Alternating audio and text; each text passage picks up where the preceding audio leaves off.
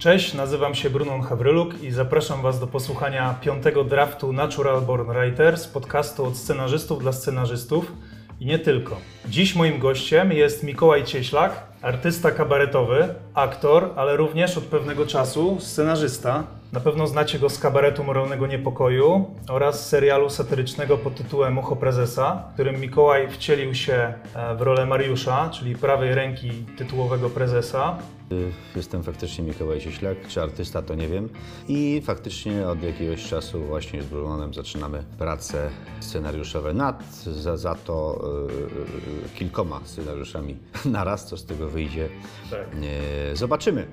E, Więc jakby co ja to, tu robię już w piątym odcinku nie wiem, ale to jest twoja sprawa, Bruno. E, Zaprosiłem Cię do tego podcastu w sumie nie, nie tylko dlatego, żeby porozmawiać właśnie o Twoich doświadczeniach w kabarecie czy rolach komediowych, ale oczywiście także, żeby em, pogadać o pisaniu scenariuszy właśnie komediowych i w ogóle o komediach, o tym, co nas widzów śmieszy czy, czy nas e, nie śmieszy. No i tak jak wspomniałeś, o tym chyba e, no, na razie nie będziemy mówić wiele, żeby nie zapeszać, ale faktycznie z e, Mikołajem e, pisaliśmy ostatnio komedię kryminalną, która miejmy nadzieję, że powstanie w najbliższym czasie i że będzie zabawna. Też mamy taką, mam taką nadzieję. No, to jest jakby efekt tego, że zajmowałem się tym e, humorem, e, tak powiem, praktycznie, czyli e, występując na scenie i tworząc ludziom rozrywkę po całym kraju i za granicą i mam takie jakby praktyczne e, pojęcie o tym, jak to, tak, tak mi się przynajmniej wydaje. I, i oglądając e, e, właśnie wiele rzeczy, czy też polskich, czy nie tylko, pomyślałem sobie, kurde, a tutaj to powinno być inaczej, a tutaj to ja bym zrobił to tak. I sobie w końcu pomyślałem, no to kurwa zrób. I, I to był jakby początek tego mojego zajmowania się. y, Na razie jeszcze to jest początkowy etap, E, ale, ale, ale myślę, że bardzo intensywny jakby, bo, bo, bo bardzo mnie to wciągnęło i bardzo mnie to mm, jara i interesuje jednocześnie. Czyli mówię o tym, że sprawia mi przyjemność wymyślanie i pisanie, jak również dokształcanie się w tym temacie, zwłaszcza w temacie, tutaj wiemy o co chodzi, struktury, e, jakby Budowy postaci. budowy postaci, jakby całego tego backgroundu, tła, którego nie ma w filmie, a może jest, mm, czy jest potrzebne, czy nie i wtedy jak ma się to, to sprecyzowany cały świat postaci, motywacji, wtedy jakby pisanie jest zupełnie inne już, y, czy, czy, czy, czy fabuły, czy, czy struktury. Mm, No i to wszystko razem jest dla mnie kompletnie w praktyce, no bo jakby oglądają, oglądałem bardzo dużo i jakby w wielu rzeczach uczestniczyłem. Natomiast w pisaniu jest to dla mnie e, e, nowe, ale bardzo, bardzo e, interesujące. I ja wierzę, że jeśli coś się robi w pas, z pasją, to prędzej czy później to po prostu się uda. Zawsze tak było z tym, co robiłem. Mam nadzieję, że ten, ten przypadek to potwierdzi i nie będzie pierwszym zaprzeczeniem czegoś takiego. Oby tak. Oby no, nie. No Quentin Tarantino mówił coś takiego, że jak e, robisz film, ale tak z naprawdę ogromną pasją i, po prostu wierzysz, że to się uda, to to się nie może spieprzyć, nie? Więc... No, może Chociaż e, Ed, Ed, już nie Ed, bywało. Ed Wood robił z ogromną pasją film. Tak, więc, więc... No i w sumie co? Ciężko powiedzieć. No zobaczymy, co z tego będzie. No właśnie. No w każdym razie pracujemy, tak jak wspomniałeś, jeszcze nad kilkoma innymi pomysłami, o tym już w ogóle nic nie będziemy mówić, no ale jeśli słuchają nas jacyś producenci, inwestorzy, Tak. to oczywiście zapraszamy do kontaktu. To jest, to, jest pewny, to jest pewny zarobek. To jest w ogóle. To, to, to w ogóle tu nie ma żadnych wątpliwości, także zapraszamy. Miliony, miliony pójdą do kin, Tak. na, na Netflixy i, i, i tak dalej. Okej, a teraz żarty na bok, porozmawiajmy na poważnie o komedii. O początkach Twoich i trochę o kabarecie moralnego niepokoju. Najpierw chciałbym Cię spytać o Twoje właśnie początki. Z tego, co udało mi się sprawdzić, nie kończyłeś żadnej szkoły teatralnej, tylko polonistykę na UW. Mhm, też Powiedz- nie skończyłem. Też nie skończyłeś. I, więc jak to Jestem się taki stało? w ogóle nieskończony w każdym jakby rzeczy, którą robię. A to miejmy nadzieję, że nasze rzeczy się dokończą. Właśnie, to, to, no, no, no, to będzie pierwsza, tak, tak. Ale jak to się stało, że wylądowałeś w kabarecie właśnie? E, Ja nigdy nie uważałem, że, że ja mogę być śmieszny. Mhm. Wydawało mi się, że jestem raczej taki właśnie typ y, poważno, y, no nie taki właśnie y, showmano, rozśmieszacz. Natomiast zauważyłem, że czy w rozmowie, czy gdzieś e, podgrywając coś, kogoś parodiując, albo że, że ludzie na to reagują.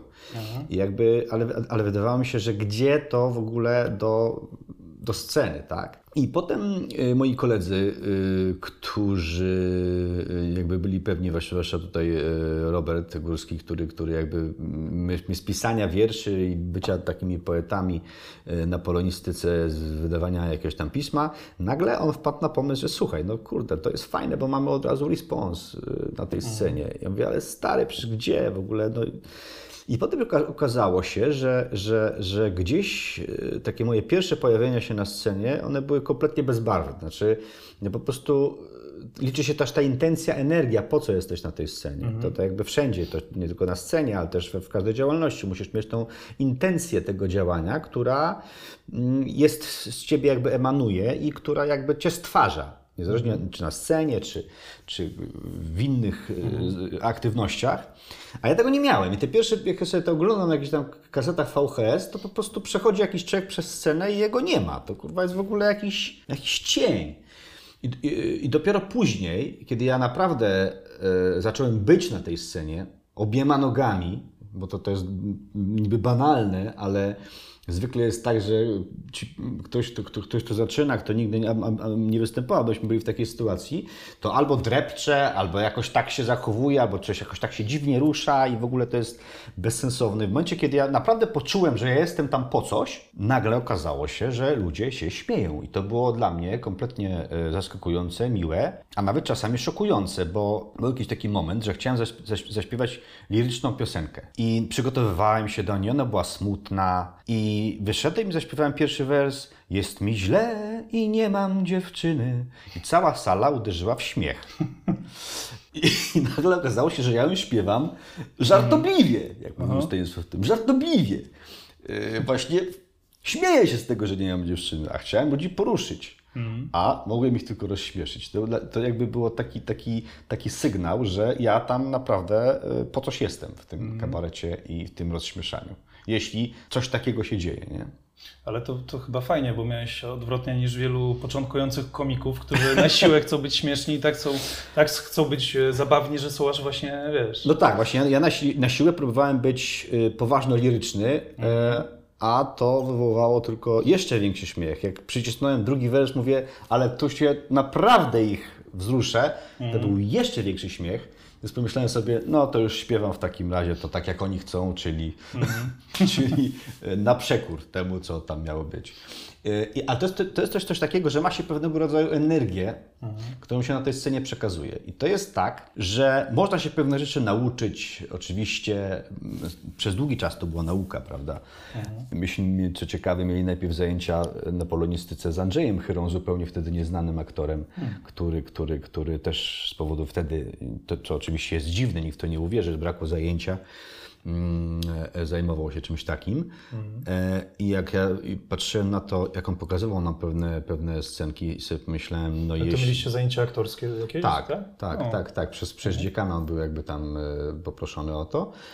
I on przychodził tam raz w tygodniu, dwa razy w tygodniu, młody kabaret, który tam, no i tam prowadził jakieś tam, ustawiał scenki, pokazywał nam pewne rzeczy. Sobie myślałem, kurwa, jak to jest aktor, który nie ma pracy i jest tak dobry, to jacy muszą być aktorzy, którzy grają, nie? Potem się okazało, że to jest faktycznie jeden z lepszych aktorów mhm. swojego pokolenia.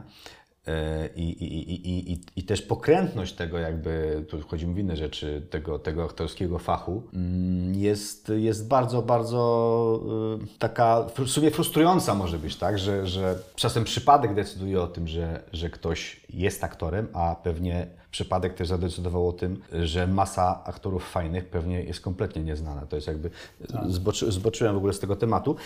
Ale to, jest, to jest jakby, wiesz, ważny temat, nie? że tak. często po prostu aktorzy, często to widzę właśnie po znajomych, początkujących aktorach, że próbują się przebić i to wiesz, mogą być naprawdę świetni, często tak. są świetni, tylko tak. nie mają tej szansy przez to, że na przykład nie mogą się dopasować do konkretnej roli w, w czasie castingu, nie podpasowują jakoś z jakiegoś powodu, nie? Tak, i to, i to, to, jest, to jest naprawdę bardzo trudny temat. Jeśli się pomyślicie, że kilkadziesiąt osób rocznie kończy szkołę teatralną każdego Mhm. roku, a znamy tylko taki czubek, czubeczek całej Tak. tej góry lo, e, A do lodowej. tych szkół e, próbuje się dostać setki, tak, jak a, nie a tysiące, to ile, nie? właśnie, tak? I to jest jakby cały Przez te- kilka lat nieraz próbują.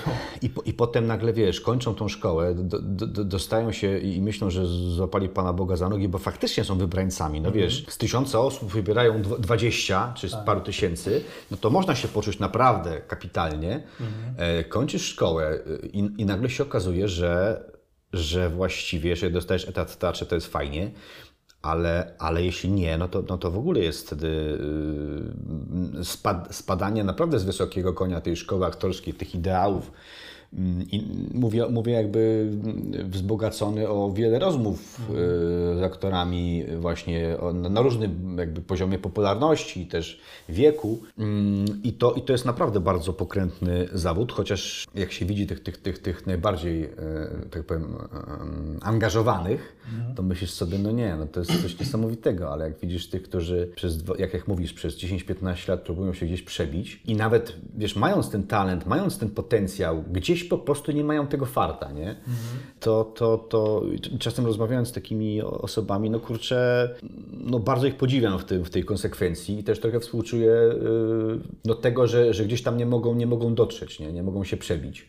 Yy, Myślę, że to na zachodzie jest yy, równie trudne, ale, ale w, wydaje mi się, że większe jest oczywiście yy, No ilość tam, filmów. tam, tam się więcej robi też. Więcej się robi, ale też jest chyba większa odwaga w proponowaniu ról. No na przykład, wiesz, jeden ze słynniejszych seriali, być może o tym będziemy mówić, Breaking Bad, jest obsadzony w głównej roli.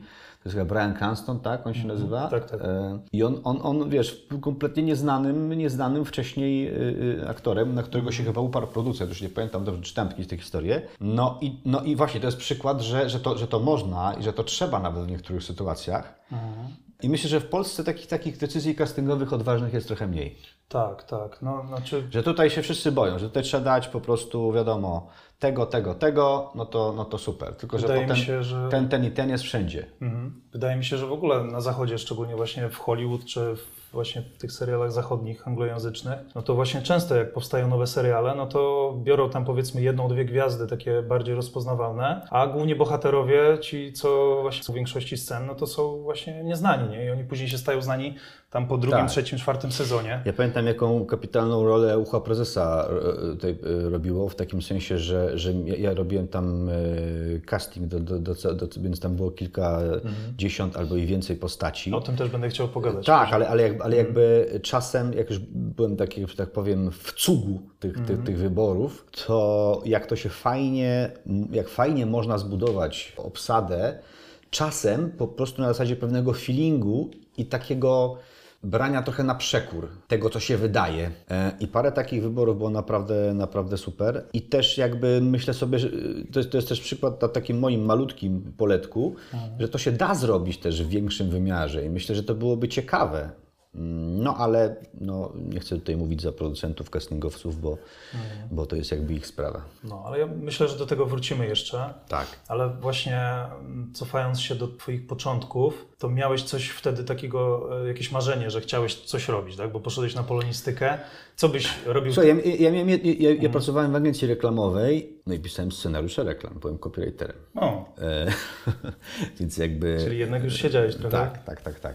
Więc jakby to. Natomiast ja chciałem występować i utrzymywać się z występowania w kabarecie z moją grupą kolegów, przyjaciół. I to było moje marzenie, które po jakichś 7-8 latach, 10 w sumie chyba coś takiego, po ośmiu chyba, się spełniło jakoś tam. I to jest właśnie też przykład na to, bo myśmy grali naprawdę za jakąś, no bo tam pamiętam, że nasz menadżer zadawał pytanie, kto ma dwie dychy wydać, to oznaczało, że zarobiłeś stówę. 80 zł, 80 zł. Tak, bo on ci dawał stówę, a ty mu dawałeś dwie dychy. Bo stawka była stówę za występ wtedy. No, i jak, jak, jak mówił, że- jak nie pytał, to znaczy, że jest stuwa. A czasem pytał, kto ma pięć dych wydać. To już było słabo. Zarobiłeś pięć dych wtedy, nie? Raz pamiętam, że graliśmy gdzieś tam na, na, na, na południu Polski i patrzymy, idzie taka masa ludzi do Domu Kultury, nie? No nie, no co to się stało? No to, to, to na nas, nie? Okazało się, że idą na mecz hokejowy i minęli ten Dom Kultury i poszli dalej. Więc jakby mówię o tym, że spokojnie, myśmy pracowali w agencji reklamowej, e, e, ja i tam e, Rafał Zbieć i, i, i Robert. Więc mówię o tym, że spokojnie można było przez te 8 lat powiedzieć, a w ogóle walcie się z tym całym kabaretem. Ja tu jestem już senior copywriterem, za chwilę będę dyrektorem kreatywnym w agencji. I w ogóle co mnie to w ogóle jeżdżenie po jakichś tam, wiesz, zimnych domach kultury, gdzie po prostu jest 30 osób czy 50 na naszym występie, potem o 100, no to, no to dalej, no to wiesz. y, Ale to co was tak, e, szczególnie ciebie, co, co ciebie tak wciągnęło w to występowanie, że stwierdziłeś właśnie, że... no, no, zwłaszcza przebywanie wśród y, naszych, y, w naszym towarzystwie takich właśnie kreatywnych w sumie osób trochę, trochę wulgarnych, trochę prostolinijnych, y, ale też inteligentnych, oczytanych, że tak powiem. Ale to wszystko się mieszało w takim, w takim bardzo kreatywnym sosie. Więc mówię o tych złych rzeczach, o dobrych rzeczach, ale to było, było bardzo fajna, e, dalej myślę jest e, e, grupa, mieszanka ludzi i charakterów. No i ta adrenalina występowa, która jest naprawdę niesamowita, jeśli coś idzie, to jest naprawdę takie flow, nieporównywalne chyba z niczym, a z, drugo, a z drugiej strony, jak coś nie idzie, to też jest, też jest kapitalne, bo taka jest wtedy sportowa złość. No nie, no zaraz, to występujemy tam powiedzmy w pięć grup jakichś tam zespołów kabaretowych i my jesteśmy tacy średni, no i to, to nie, no słuchajcie, tak nie może być, nie, to tak jakby... y, się napędzaliście. tak, i cała, sposób. cała ta taka właśnie amplituda tego wszystkiego, a jednocześnie potem y, zaczynaliśmy, zaczynało nam się po prostu udawać. Robiliśmy skecze, o których ludzie nagle zaczęli mówić, które były z, popularne. E, To był, to był taki rok, robiliśmy te, też tygodnik moralnego niepokoju, to był 2004, 2000, bardzo dawno, 2007-2008 rok. Takie nasze pierwsze doświadczenie z cyklicznym e, robieniem e, programu w telewizji. Da, uważam, że powiem nieskromnie, a to, dla mnie to jest zupełnie już prahistoria, tego w ogóle nie, nie oceniam w kategoriach, ja siebie tam widzę jako zupełnie innego człowieka, więc jakby nie oceniam tego w takich kategoriach zaangażowanych, tak, że o, ktoś powie, że jestem tam, e, wyszło nam albo nie wyszło, ja uważam naprawdę, to była bardzo dobra e, produkcja. Patrzę na, się, na, na nas wtedy jak na zupełnie obcych ludzi. I, i, i od tego momentu zaczęliśmy właściwie się z kabaretu utrzymywać i, i, to, był, i, to, był też tak, i to był też taki moment, że taka satysfakcja, która utrzymuje cię, no bo jednak ta pasja, z którą to robiłeś, do czegoś cię doprowadziła, tak? I, i, i, to, jest, i, to, jest, i to jest jakby uzależniające trochę, no. Bardzo nawet. A miałeś, e, miałeś jakichś swoich ulubionych komików, którzy cię inspirowali na początku? E, oczywiście, nie wiem od kogo zacząć właściwie, bo no, cały Monty, Monty Python, którym się żywiłem właściwie przez długi czas i te, i te skecze, te skecze w tygodniku są, są bardzo czasem Monty Pythonowskie, ale też, też, też polskie e, e, komedie, nie wiem, Wojciech Pokora uwielbiam, Stanisław Tym, e, Krzysztof Kowalewski, Wiesław Gołas, oczywiście Janusz Gajos w rolach komediowych, kabaretowych, przecież on tego zaczynał, tak na oczywiście tam wcześniej Cztery Pancerni, ale on długi czas grał w kabarecie pod egidą i, i, i Dudek chyba. I te wszystkie jego, yy, no to na, na, tym się, na, na tym się można uczyć kabaretu. E, oglądając właśnie na przykład monolog, gdzie Gajos, al, albo, no, albo, albo no, taki klasyczny sketch Awas, czyli Franceski Przoniak, E, To są mistrzowskie e, rzeczy i, i, i też zarówno aktorsko, jak i kabaretowo, no to oglądając takich ludzi, po prostu się uczysz. A z drugiej strony musisz mieć, musisz, musisz mieć w sobie to poczucie humoru, które opiera się na pewnym takim feelingu, rytmie i wyczuciu sytuacji, momentu. Tak jak aktor Narodowego Teatru Arkadiusz Jeńczyk kiedyś mi powiedział, myśmy grali w jakiejś komedii chyba wspólnie, że dramat to jest melodia, a komedia to jest rytm. Y, Czyli teksty dramatyczne to jest właśnie melodia słów, a komedii to jest ten rytm. I to jest ten timing.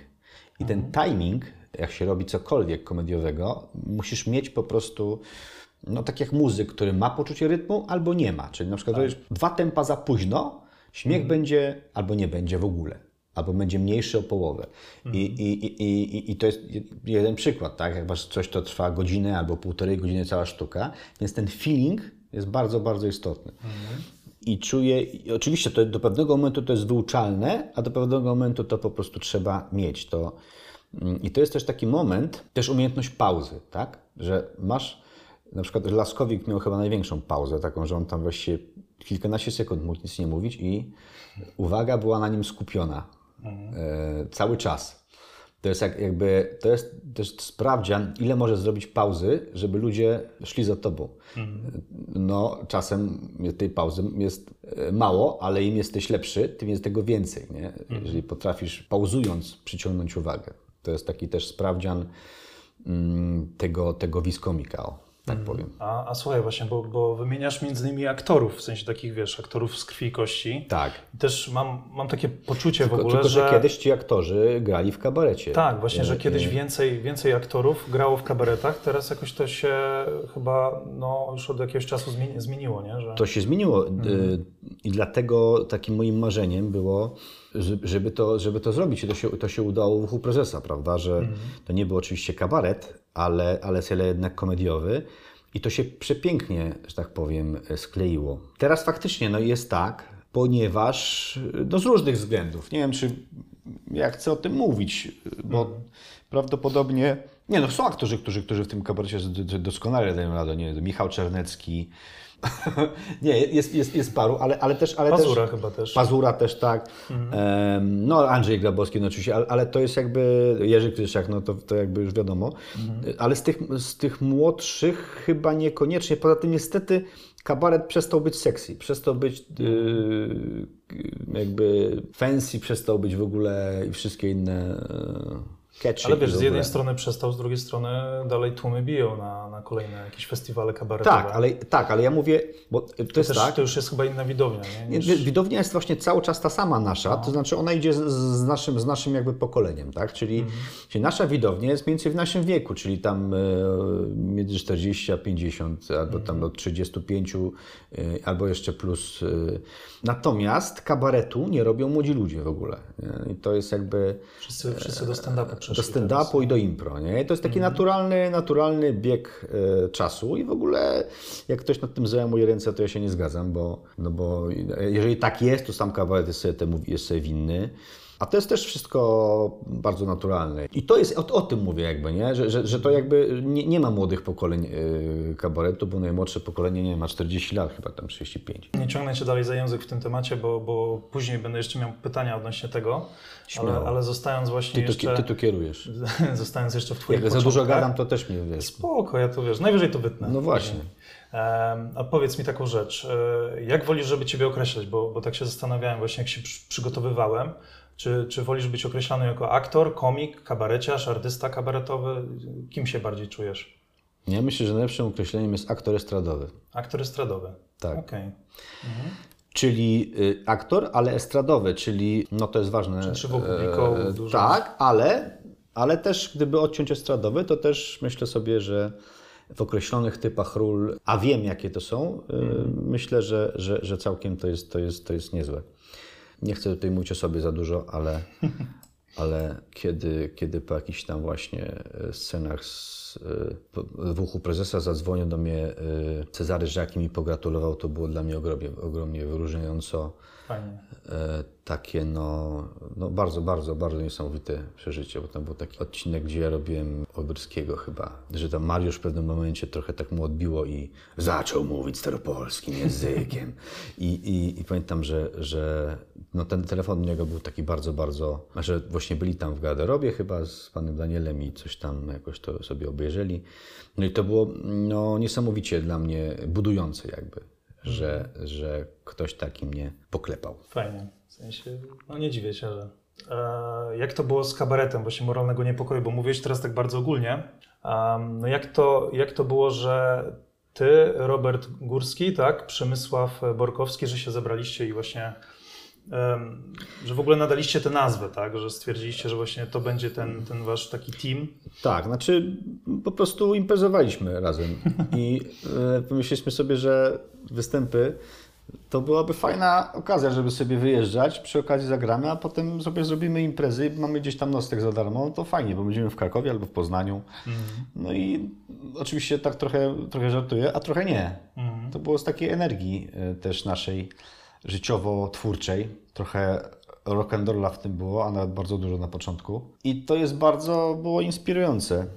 e, i ciężko było z tego zrezygnować, bo nawet jak, jak ja sobie chodziłem do biura tam do agencji reklamowej, to bardzo było fajnie, ale myślałem tylko o tym, kiedy będzie czwartek i pojedziemy sobie na występ, kiedy oczywiście wiązało się to ze, ze stresem, bo musiałem o 14 jakoś się wymigać z tego biura. Mieliśmy takie metody swoje, na przykład, że zostawiałeś na biurku parującą kawę gorącą yy, i wtedy ktoś myślał, że ty gdzieś jeszcze jesteś, nie? No bo twoja kawa paruje i przez jakąś godzinę do 15, no przez pół godziny, także jeszcze ten, no zaraz tutaj przyjdzie, nie? Że, że już mnie nie ma, no. Ale to były takie... Teraz to by mogło nie przejść e, przy tych różnych tam systemach, nie, teraz e, już gdzie nie są ma- bramki w, w tych wieżowcach, Nie, gdzie teraz na nie kartę się szans. wchodzi. Teraz już nie ma szans. Wtedy, wtedy to było analogowe wszystko.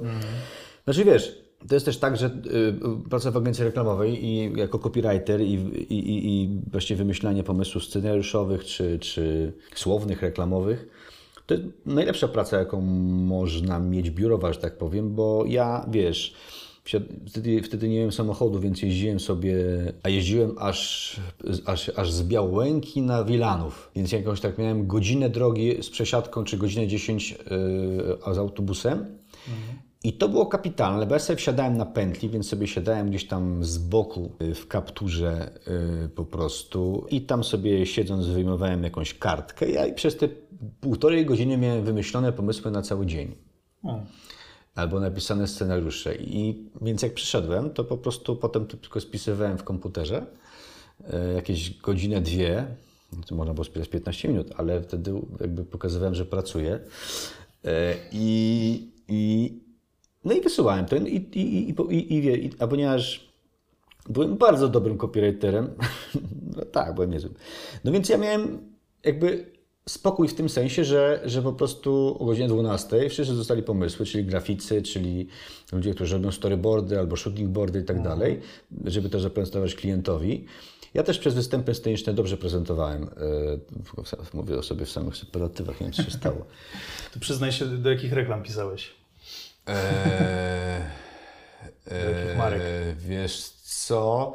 Mieliśmy taką markę e, budowlaną Rigips, mieliśmy też taki e, GlaxoSmithKline, to jest Capivit, takie witaminy lifestyle'owe. Dla Lewisa coś pisałem, dla nawet jeden film kinowy udało się tam e, przepchnąć. Dla banków, powszechny bank kredytowy już go nie ma. Dzięki mojej reklamie, przez, moje, przez moje reklamy upadł. Właśnie tak pomyślałem od razu. Tak, i byłem dobrym copywriterem.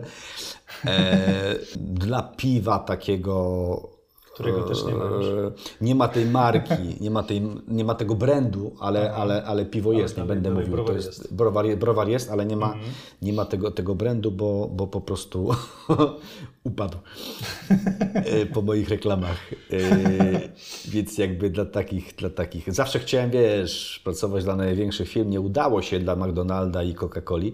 No ale mój brat, który teraz pracuje w jednej z agencji reklamowych, pracuje dla McDonalda i spędza czas na tym, że. A jest w ogóle. Ale słuchaj, ty masz wymówkę, bo poszedłeś w e, kabaret.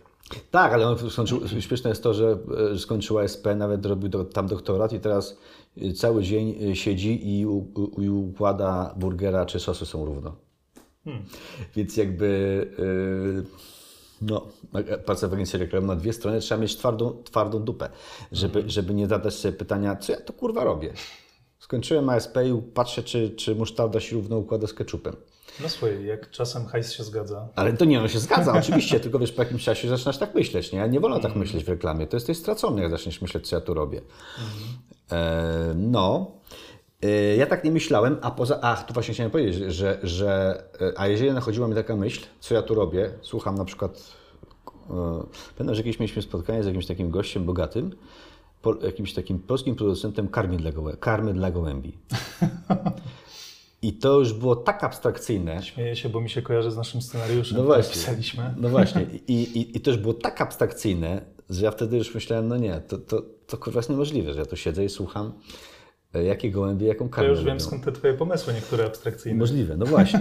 Ale ja sobie wtedy myślałem, kurde, ale ja dzisiaj wieczorem jadę na występ. Jedziemy w trasę na trzy dni. I nagle, wiesz, luz, zajebiście mi się podoba ta karma dla gołębi, bo mam ten, mam, miałem tę swoją furtkę takiej Mhm. wolności kompletnej, czyli, czyli, czyli, yy, czyli kabaret, a kabaret wtedy był bardzo fajnie odbierany i to było bardzo, wiesz, jakby takie luzujące, Mhm. bardzo mm, dające Ci kompletną swobodę, że tak naprawdę, no co prawda zarabiam tam stówę albo 50 zł, ale kiedyś będzie lepiej, nie? I, Mhm.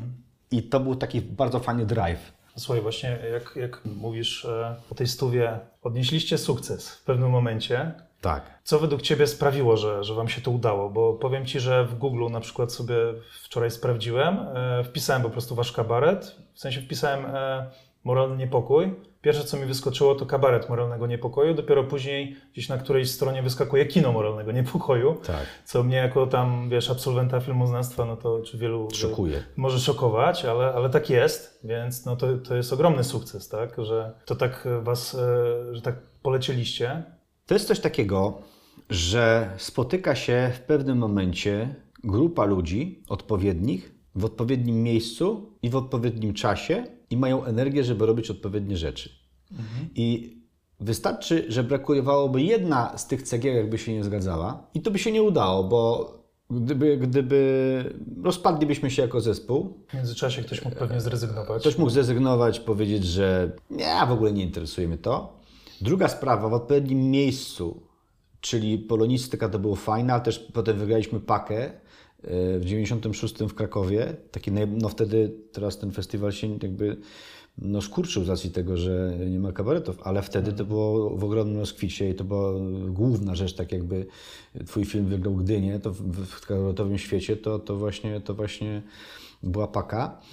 I w odpowiednim czasie, czyli że kabaret był wtedy mm, no, bardzo pożądaną rzeczą, świeżą, szlachetną jakoś tam w tej dziedzinie rozrywki.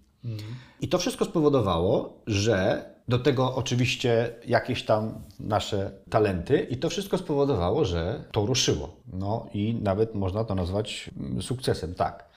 Bo jeśli, y, nie wiem, pamiętam, że jak pokazaliśmy numer drzwi w Opolu, to było tam 2008 czy 2009 rok i kiedy przyjechałem do domu i tam jakiś pan coś kopał na koparce i coś tam gadaliśmy i on mówi, kurde, to wie pan co, tak samo, te drzwi to w ogóle tak naprawdę, I jeśli, to znaczy, że już to głęboko pod strzechy weszło i to oznaczało, że to naprawdę jest sukces. No nie to nie to, że my tam pokazaliśmy, tylko że ci ktoś na ulicy nie musi, a mówi, Tak.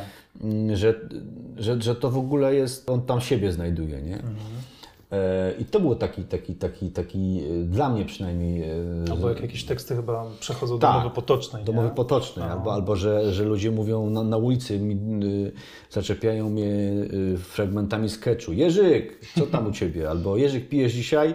Albo, albo takimi tekstami, których ja już nie pamiętam. Na przykład, jak tam grzebał pan przy maszynie dzisiaj?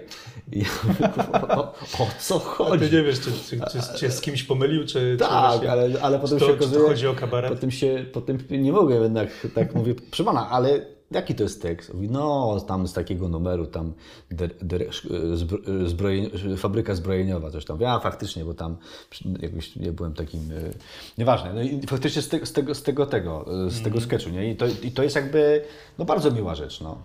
A przejdźmy trochę, przejdźmy do w ogóle praktyki kabaretowej, bo Tak. myślę, że to na pewno zainteresuje słuchaczy i no, mnie też zawsze to ciekawiło, w sensie jak to w ogóle wygląda, jak powstają te teksty, nie? Czy, czy to jest tak, że właśnie jedna osoba, nie wiem, pisze, coś wymyśla i później czytacie to, jakoś próbujecie sobie razem? Znaczy tu ma, wiesz, y, na, na teksty ma jakby monopol Robert, ponieważ to od początku była jego jakby zdolność, działka i, i, i w ogóle.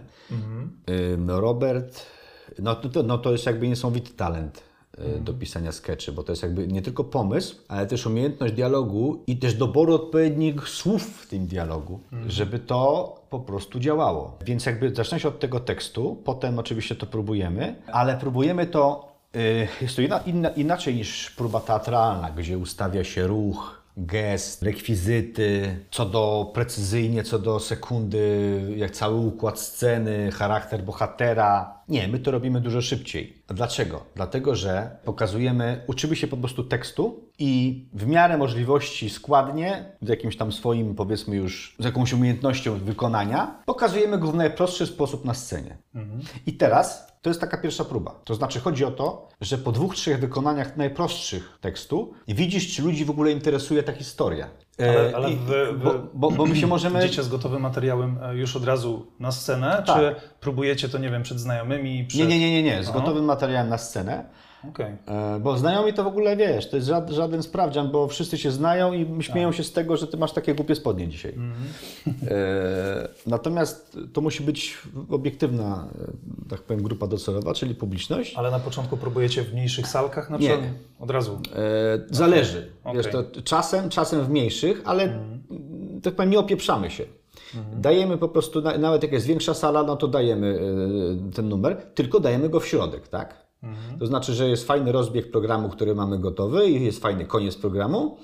I jak dasz go w środek i on powiedzmy będzie niedobry, to jeszcze masz pół godziny, żeby zatrzeć złe wrażenie. No, Dlatego nie robimy tego tak na milion procent, dlatego że wiele było takich przypadków, że, że po prostu kupujemy już pistolety, jakieś takie starodawne, to miało być o Sherlocku Holmesie, czapkę Sherlocka Holmesa, fajkę. I się okazuje, że ten numer kompletnie nikogo nie obchodzi. Jest to w ogóle niezabawne. My się mordujemy tej scenie. Ale czyli kostiumami, rekwizytami, scenografią, to też wy się zajmujecie w jakiś sposób? E, No, znaczy teraz już mamy kogoś od tego, ale wcześniej robiliśmy to sami. E, I i jakby to pokazuje, że z kolei drzwi, które po prostu Robert napisał i właściwie częściowo to jest pisana rozmowa, z, po prostu jak naprawdę rozmawiał z gościem, który mu drzwi sprzedawał.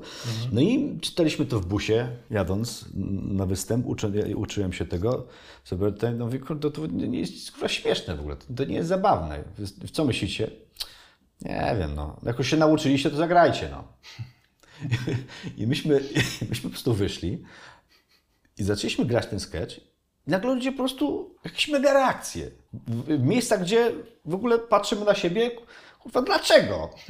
To nie jest śmieszne. No, że co, że prawa, lewa, no ja nie wiem, jak jest pra, prawe drzwi czy lewe drzwi, nie?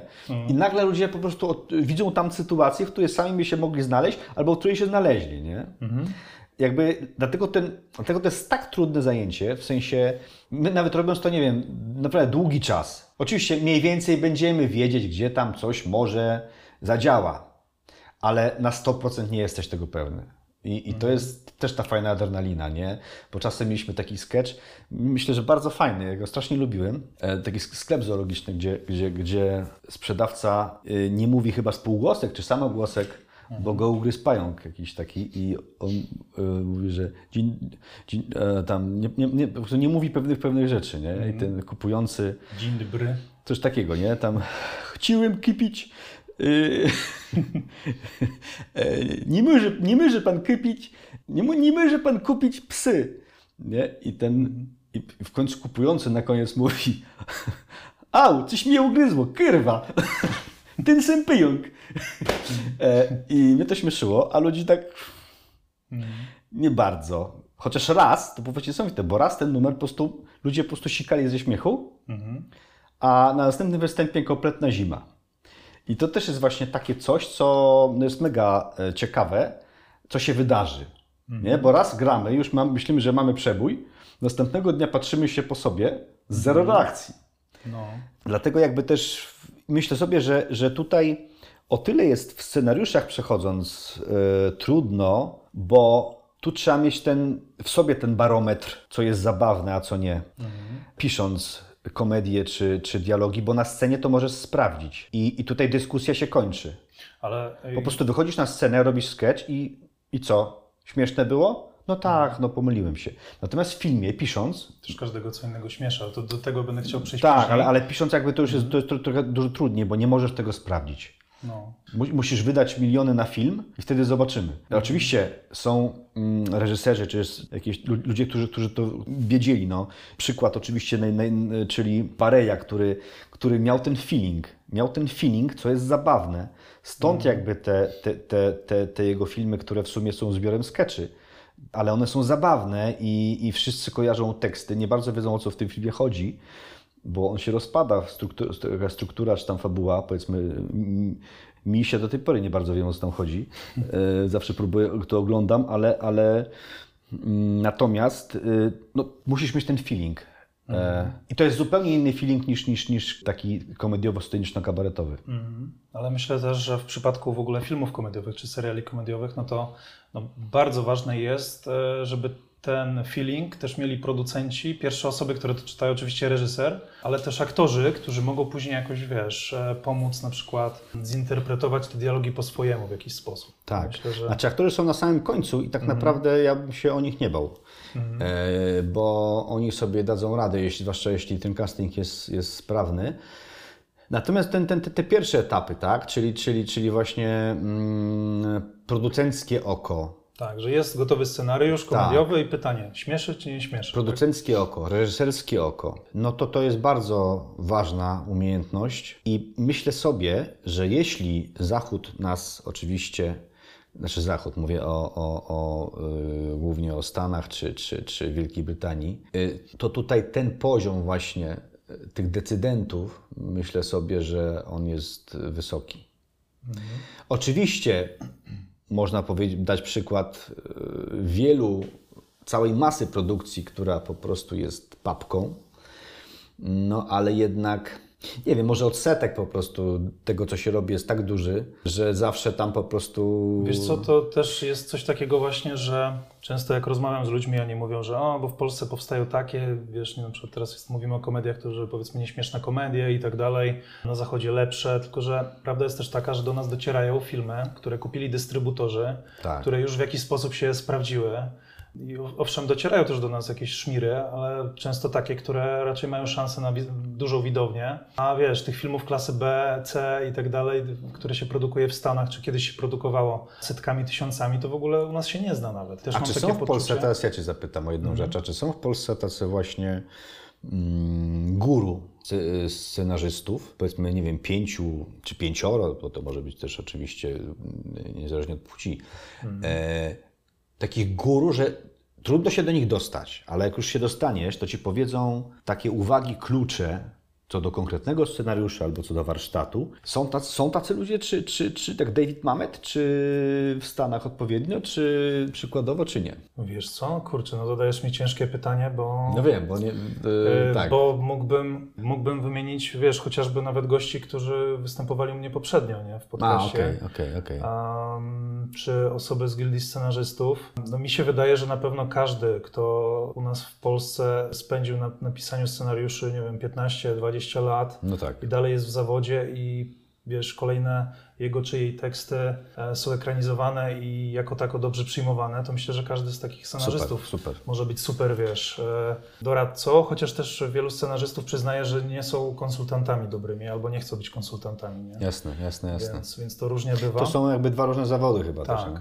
No tak, chociaż z jednej strony często scenarzyście jest łatwiej spojrzeć właśnie na cudzy tekst, jakby znając warsztat, ale z drugiej strony no, są takie osoby na przykład jak Michał Oleszczyk, który sam się nie uważa za scenarzystę, a Mhm. Ale on właśnie coś zrobił ostatnio chyba, nie? e, no, współpisał e, wszystkie nasze strachy, No właśnie, z tego no co właśnie, wiem, no właśnie, ale, no ale z tego co, co, co gdzieś tam czy w jakiejś jego wypowiedzi e, słyszałem, że on właśnie się mimo tego nie, nie, jeszcze nie uznaje w pełni za scenarzystę, tylko właśnie bardziej za tego Takich ludzi cenię. konsultanta. Bardzo, którzy z taką właśnie jakąś pokorą, nieśmiałością, mimo tego, że, że spokojnie to jest oczywiście, można odebrać też jako krygowanie się, Mhm. ale to jest też z drugiej strony coś, coś, coś bardzo takiego dla mnie ujmującego w takiej postawie. Tak. A wróćmy, wróćmy jeszcze do tych e, scenariuszy e, kabaretowych, bo mnie to ciekawi. Zaraz przejdziemy wiesz, też do filmów okej, i, okej. i innych rzeczy, bo myślę, że to też tutaj wielu słuchaczy może najbardziej interesować, ale domknijmy ten temat. Jak wyglądają takie scenariusze w ogóle? Czy, czy il- ile to ma zwykle stron? Czy dzielicie to jakoś na akty? Czy to są takie jednoaktówki? Czy to y, piszecie właśnie, nie wiem, trochę jak scenariusz teatralny, czy, czy właśnie jakiś format taki filmowy scenariusza? To pisze Robert, jak powiedziałem, i, Mhm. i to, jest bar, to, to jest krótka forma. Mhm. To jest krótka forma, czyli to jest forma 10-15 minut sketchu. W Uchu Prezesa było trochę inaczej, bo to faktycznie dzieliło się czasem na te 15 minut na pewne akty, czyli zawiązanie akcji w pierwszych powiedzmy paru minutach, potem rozwinięcie, środek i ta puenta też taka mniej więcej jak zakończenie, czyli tak, Mhm. taki, taką to mniej więcej miało strukturę. Mm, W sketchach jest zupełnie inaczej, chociaż my coraz bardziej robimy takie skecze, które są, na przykład Jerzek dzisiaj nie pije, to jest właści- właściwie taka klasyczna jed- jednoaktówka, która trwa tam 20 minut i to jest taki jakby jeden mały akcik sytuacyjny, prawda, kolacji, która jakoś tam się rozwija i jedna osoba po prostu nie pije. I co z tego wynika? Tak, natomiast mamy też teraz taki numer pod tytułem e, Dyskoteka, gdzie czterech pracowników, kończący nasz program obecny, gdzie- czterech pracowników hurtowni idzie się zabawić na dyskotece. Są to ludzie w naszym wieku, 40, tam 5, 7 lat. No i każdy ma inną, inny cel, ale generalnie, że zrobią tam furorę, tak? I to jest jakby taki, i tutaj jest to scenariusz właściwie taki, no, trwa ten numer 25 minut, pół godziny, a więc to jest taki już praktycznie jakby to nakręcić, to byłby taki fajny, krótki metraż, czyli Tak. spotykają się w hurtowni, jest piątek, jest fajrant i generalnie namawiają się na imprezę, prawda? Potem idą na, na tą imprezę. Na imprezie się dzieje dużo rzeczy. Jest to rozgrywane w taki sposób też sceniczny, że jakby jedna osoba, e, jakby, jakby widownia jest tą dyskoteką, tak? Czyli najpierw patrzą, o, dużo jest takich starszych. E, Jakby, więc ludzie też czują się, jakby byli częścią tego wszystkiego. Jeden z nich nie miał okularów, więc patrzy tam właśnie daleko i jakby mówi, powiedz, powiedz, co on robi, bo no podchodzi do niej, no ale co, no, ale co dalej? Więc jakby też jakby coś się dzieje też jakby w wyobraźni. No i kończy się to w jakiś sposób ta dyskoteka i jest końcówka, y, czyli finał, więc oni są następnego dnia jakby, czy, czy y, w tej pracy znowu, siedzą skacowani, zmęczeni i tak jak w Las Vegas opowiadają, co się stało tak naprawdę. Y, Że ty masz to, a ty masz tamto, a ty masz y, oko podbite i tak dalej. I jest to, no jest to taka, taka forma bardzo fajna, bo, bo zupełnie inna niż taki klasyczny sketch, gdzie tam przychodzi ktoś coś kupić i wychodzi, tylko to jest jakby takie no już właściwie story malutkie. Mm, A, a nie wiem, em, jak próbujecie właśnie tego typu na przykład, e, mm, no ciężko to nazwać sceną, bo to pewnie ma wiele scen, ale właśnie tego To typu, są, to są, to tego są, typu sketch, To, no tak, to, to, to jest jakby pierwsza scena, ostatnia scena To i, i wy- dyskotekowych scen jest powiedzmy 4-5. Tak? wy sami się reżyserujecie w jakiś sposób, czy ktoś wam pomaga, czy... No, w, ty- w tym, w tym, ym, ty, w tym akurat sketchu, to, to na 30 minut, tak, y, wzięliśmy do pomocy Tomka Sapryka, y, aktora i reżysera też. Y, No i on nam to pomógł poustawiać troszkę. E, Bo, no bo to jest jednak taki numer, który wymaga czegoś takiego, że, że, że to.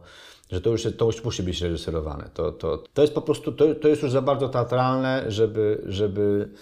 No oczywiście my tam mieliśmy to jakoś zarysowane, tak, ale, ale, ale, ale te jego jakby rzeczy. No, przy też- większej też- formie to, to jakiś tam rodzaj lustra zawsze się przydaje na pewno. nie? tak, no to ten, ten numer też, jest, no, też, też ma w jednym momencie taki film, który nakręciliśmy, czyli taki na tej dyskotece nasze postaci tam coś robią. No i tam ma jakieś to półtorej minuty przed, przed końcową sceną, więc jakby to też jest fajna zmiana dla ludzi. Yy, Jeżeli nagle pojawia się ekran i, i, i jest, yy, yy, jest to wzbogacone o, to, o, o, o ten film. Mm, No, i ja jestem zadowolony bardzo z tego numeru, bo, bo to jest jakby taka nowa forma i bardzo no, inna, tak, że to nie jest tak, że dwóch ludzi gada, tylko naprawdę stwarzamy całą przestrzeń, nie? I ja lubię takie numery, które, które, które wy- wykraczają poza taki ten klasyczny mm, dwóch gadających gości czy trzech. Tak, E, ale wiesz co, bo mówiłeś wcześniej właśnie, że jak kreujecie te wasze postaci, to em, no nie robicie tego tak na, nie wiem, 150-200%, tylko raczej tak właśnie staracie się to w jakiś punkt zrobić, ale właśnie zastanawia mnie, jak to jest w przypadku, kiedy próbujecie, czy robicie jakiś sketch z mieszanymi jakby teamami, nie? że trochę inne grupy, na przykład wczoraj sobie obejrzałem sketch, który mi się bardzo spodobał z tobą i z e, Michałem Wójcikiem, zanim umru, sketch o, o, o Psychoanalizy, tak, psychoanalityk, tak. o psychoanalityku, e, analityku Owczarku i Tak. E, facecie, którego wszyscy sąsiedzi wkurwiają. Tak, tak. E, No i byłem w ogóle, wiesz, pod wrażeniem tego, jak e, w ogóle tam no, dajecie z siebie wszystko właśnie, że, Tak. że, że idziecie po prostu właśnie na, na, na, te 100%, e, wykrzykujecie, po prostu widać tam w pewnym momencie właśnie po Wójciku to po prostu było widać, jakby on, nie wiem, albo był jakiś nafurany, albo coś, on po prostu tak siedział w tej postaci, Tak, że tak. tak. go niosły te słowa, że aż zaraz, wiesz, spadł prawie z tego, Tak, wiesz, tak. szezlonga, na którym siedział, nie? No tak, no, y, y, to są, to są, to są y, takie sytuacje mieszane i ja to lubię, oczywiście nie zawsze, ale e, bo to jest jakby też kwestia postaci, z którą to się robi. Ja z Michałem Wójcikiem bardzo mieliśmy parę różnych spotkań na scenie i to, to zawsze fajnie, fajnie, fajnie mi się z nim robi. Ale wszystko sobie pracuje. prywatnie to wcześniej próbowaliście Tak, tak, tak, oczywiście. No to prawda nie, nie dużo, Mhm. bo to jest jakby też cykl produkcyjny, więc myśmy mieli na to właśnie dzień, żeby, żeby to przygotować. Więc jakby mm, no po prostu to Czyli już każdy z, Was znał nie, no tekst to na oczywiście, blachę, to oczywiście i przychodzi- przychodzicie i sobie przy- próbujecie. Mhm. Przychodzimy i, i jakby o 20 jest nagranie i w wolnych próbach pomiędzy, wolnych y, jakby chwilach pomiędzy, pomiędzy próbami, no to sobie znajdujemy sobie pokój i jedziemy z tym, no i przygotowujemy sobie, ustawiamy sobie to, no i potem już jest tylko realizacja, nie? I jest tylko jeden wykon niestety, no bo zawsze jak masz, y, wiesz, dwa, trzy, to możesz sobie coś poprawić, a to jest jakby je, jeden nabój w lufie. Y, Albo wypali, albo się skopci, no i tu wypalił, nie? Y, Ale, ale, ale jakby też jest ważna ta energia no, między nami, to i to, że to, że to jest zaufanie do siebie też, bo ja wiem, że, że, że mogę doliczyć na niego, on wie, że na mnie, no ale też bardzo zdolny gość i to, i to jakby też no, ułatwia sprawę, ale to są fajne takie mieszane zawsze rzeczy. A to też myślę jest niewykorzystany temat, żeby, że, że właściwie nic nie powstało tak naprawdę, co mogłoby jak... Nie, powstało yy, w, w, w Zielonej Górze Władysław Sikora, czyli lider yy, kabaretu potem starego, no to kilka filmów tam k- takich właśnie kabaretowych powstało w Zielonej Górze. Jeśli byś chciał, to możesz sobie zupdate'ować to.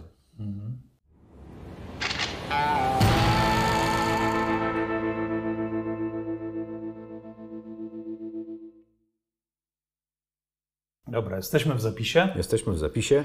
No teraz bym chciał przejść do, jeszcze nie do filmów, ale do czegoś, co się no, jakby wiąże z każdą komedią, z każdym typem komedii czy filmowym. Czyli tak zwany bridge między kabaretem a filmem. Tak, trochę tak, czyli do humoru Humoru. i poczucia humoru. No bo wszyscy, kiedy oglądamy filmy, seriale, kabarety, stand-upy, czy nawet skecze na YouTubie, śmiejemy się często z tych samych rzeczy, ale bywa, że też z czegoś innego, bo humor oczywiście jest subiektywny. I na czym według Ciebie polega właśnie poczucie humoru? Co tak naprawdę jest śmieszne? To jest bardzo trudne pytanie. Dlatego je zadałem. Pamiętam, że, że zadaliśmy takie pytanie e, naszemu profesorowi na polonistyce, Andrzej Lam, który no, e, no to niesamowity w ogóle literaturoznawca i tak dalej. On przygotował nam jakąś taką odpowiedź, która właśnie była zajebiście śmieszna, bo on po prostu narysował jakiś taki kwadrat. On był taki bardzo poważnym profesorem taki niemieckiego stylu i on naprawdę chciał wytłumaczyć, na czym polega poczucie humoru, ale on nawet się nie uśmiechnął przy tym ani razu, tylko narysował taki kwadrat, jakieś tam strzałki, napisy i rozrysował tak zupełnie na poważnie, na czym polega poczucie humoru i dlaczego się śmiejemy. E, I, I samo to przedstawienie, jak ktoś ci rysuje taki kwadrat czy, czy sześcian i, i zaznacza różne tutaj funkcje y, działania słowa, umysłu, wzroku, na zupełnie poważnie, taki siwy pan z wskaźnikiem i z kredą, wtedy, y, y, no, to, no to, to, było, to było właśnie zabawne, nie? E, I co, nic nie skomentował w ogóle? nic, nic, po Okej. prostu, po prostu Narysował. to narysował i powiedział, Poszedł. dlatego się czasem ludzie na waszych występach śmieją, nie? Aha. I taki ten sześcian był narysowany. E, I jakby to jakby pokazuje, jak, jak to jest trudny temat i jak to jest bardzo nieuchwytne i właśnie próba opisania tego sama w sobie jest właśnie śmieszna, tak? Tak, no. E, Ale tak mówiąc już poważnie, e, jakby się chciało to z, e, mm, myślę sobie, że taką podstawową rzeczą, żeby się śmiać, to jest umiejętność abstrakcyjnego myślenia, to znaczy odejścia w tym, co się realnie mówi i dzieje na scenie, w filmie, we wszystkich jakby nośnikach, umiejętność odejścia od tego, dosłowności tego i jakby wyprodukowanie w swoim umyśle właśnie tego wyobrażenia, co to się właśnie wydarzyło, i to uruchamia śmiech.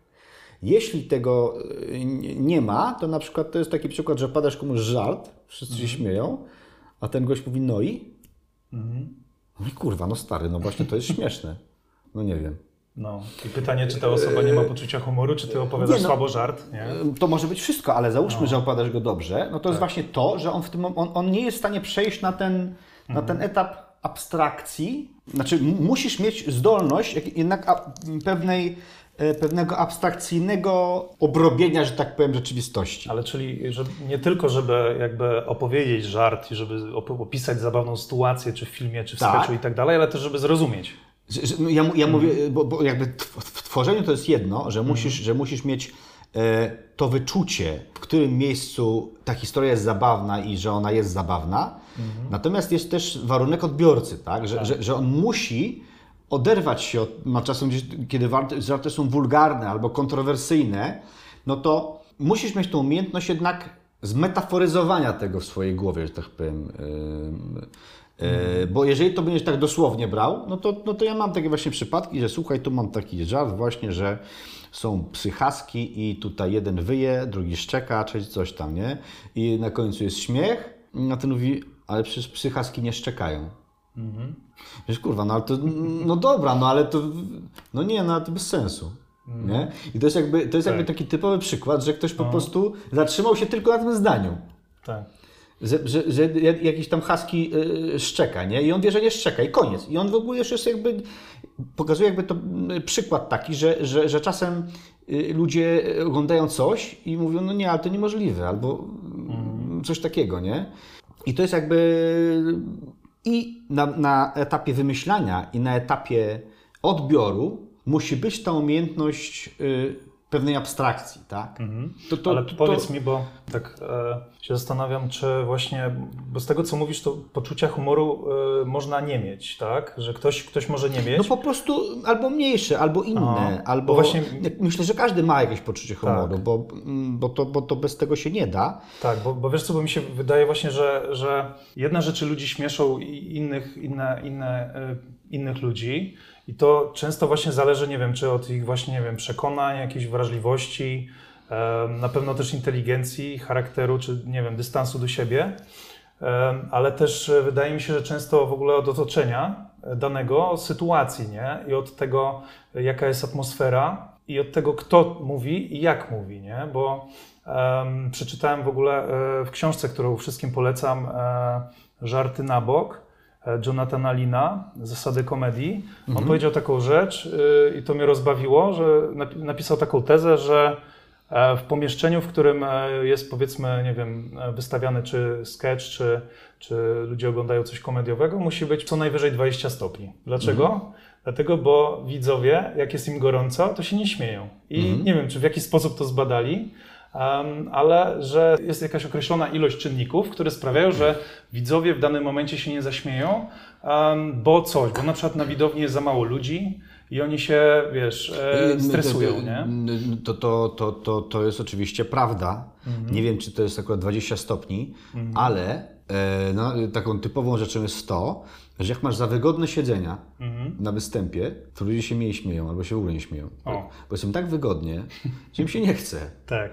A, a jeżeli siedzą na ławkach obok siebie najlepiej, albo jakoś tak blisko, albo na krzesłach i czują, że drugi obok się śmieje i ta energia jest taka jakby wspólna, Wibracje. wibracja i to jest taka wibracja ogólna, taki vibe, Mhm. że, że takie właściwie jest taka studnia jakby Tak. tego, te, te, tej zabawy, tego śmiechu. Dobrym przykładem jest z tyłu sklepu Laskowika. To jest Opole, tam nie wiem, 80 rok, a ogromny amfiteatr.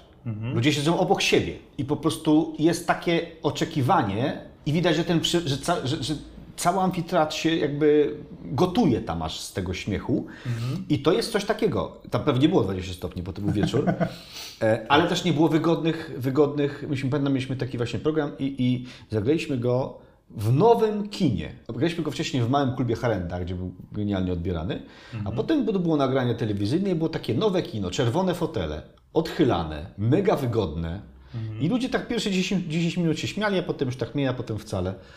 Tak, tylko, tylko, tylko tak patrzyli się w tych wygodnych fotelach się uśmiechali. Więc jakby ta, taka... Słuchaj, teraz Ciebie słucham właśnie i myślę, jak to przenieść na, na grunt e, filmowy. Um, czy, czy wiesz, czy pytanie, czy lepiej, żeby ludzie filmy i seriale komediowe nie oglądali, nie wiem, właśnie w wygodnych fotelach kinowych, tylko na przykład. tego, właśnie, na to się, nie da, na to się nie, nie, nie ciekawe, da się... Ciekawe, jak się komedię odbiera, na przykład, czy się odbiera lepiej oglądając na smartfonie niż na przykład w kinie czy w telewizorze, wygodnie siedząc sobie. W tramwaju ktoś jedzie, ogląda komedię. No tego, tego stare nie da się chyba, e, wiesz... Zmierzyć. U każdego jest... I, jakby ustalić, gdzie ma oglądać. Tak.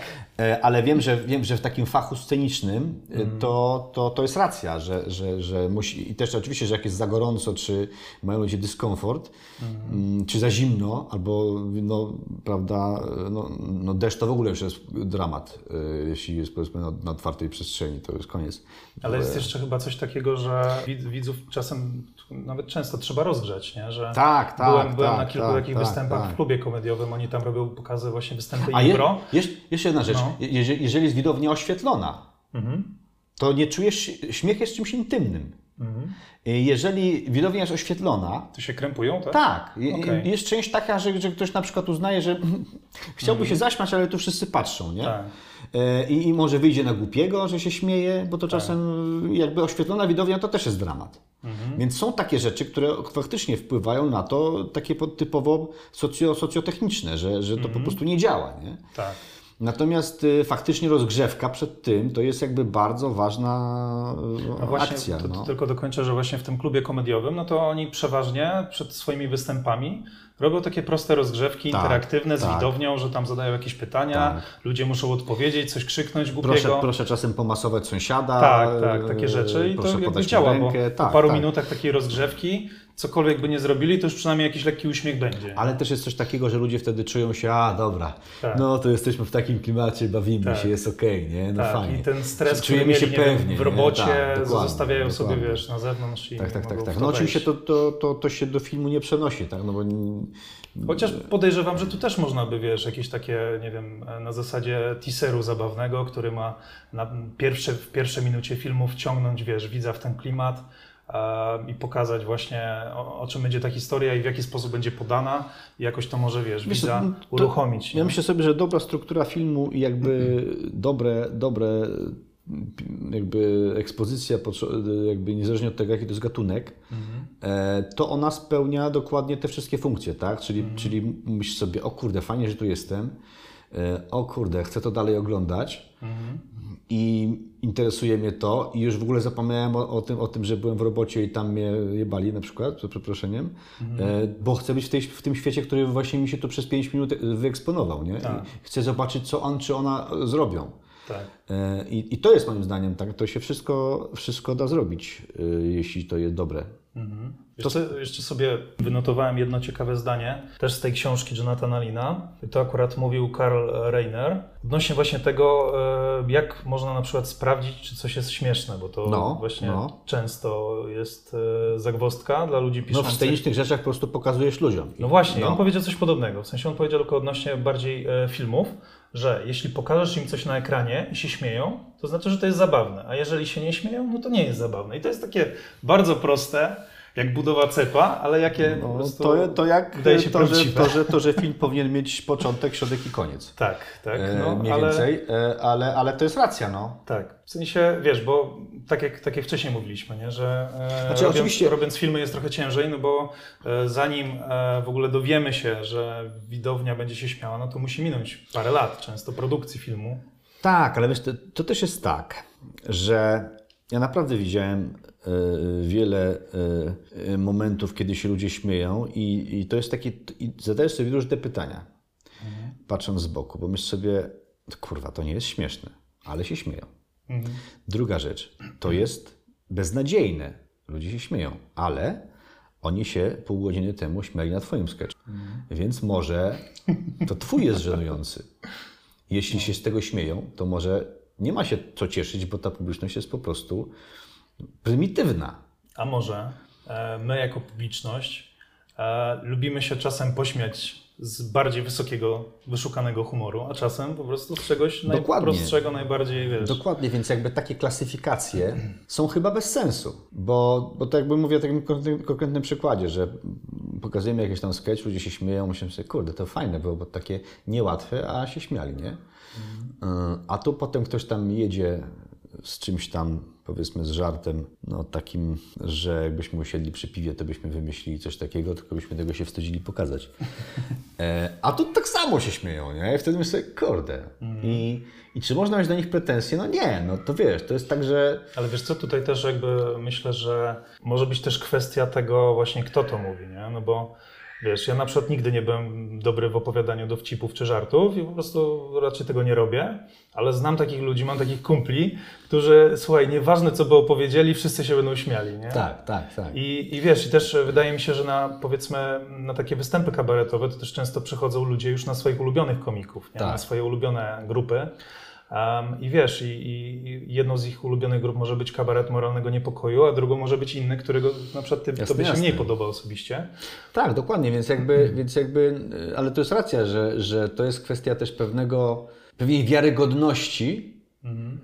w podawaniu żartu. Ja uwielbiam, jak, jak się podaje żart z kompletną wiarą w to, co się mówi, hmm. ale, ale nawet jak mówisz najgorszą głupotę, ale jest to poważne i w postaci to przekonanie jest, że to jest naprawdę mądry tekst mhm. i im bardziej jakby Twoja postać sprawia wrażenie, że zaraz powie coś mądrego, mhm. a mówi kompletną bzdurę, no to to jest zawsze śmieszne. I im bardziej mhm. nabudujesz tą postać, e, że ona wie, że to jest na pewno mądre i mówi kompletną bzdurę, no to to jest zajebiste przełamanie. Jeśli się mhm. potrafi to zrobić, no i wtedy można powiedzieć, no ale to bzdura jest, nie? No to, to jest mhm. prymitywna bzdura, nie? No ale jeśli zrobi to na przykład sceniczny profesor, no to będzie zabawne. To są jakby takie, zawsze ten kontrast tak. pomiędzy, o inaczej, e, kluczem do humoru jest zaskoczenie zawsze. Mhm. E, jeżeli dostajesz coś, puentę, żart, którego się nie spodziewasz. Jeżeli ktoś na przykład domyśl sobie, a no to będzie kaczka, no to jest kaczka. Nie? Mm. No, to się nie, nie będzie to bawiło, możesz mieć tylko satysfakcję tak, no że znałeś że, że znałeś, nie? Natomiast spodziewasz się, że, że, że, że, że to jest kaczka, ktoś mówi ryś, mm. I, i, i, mówię przykładowo, mm. I, I, jakby to zaskoczenie jest bardzo ważne. Dlatego w odróżnieniu na przykład od przebojów typu piosenek, mm.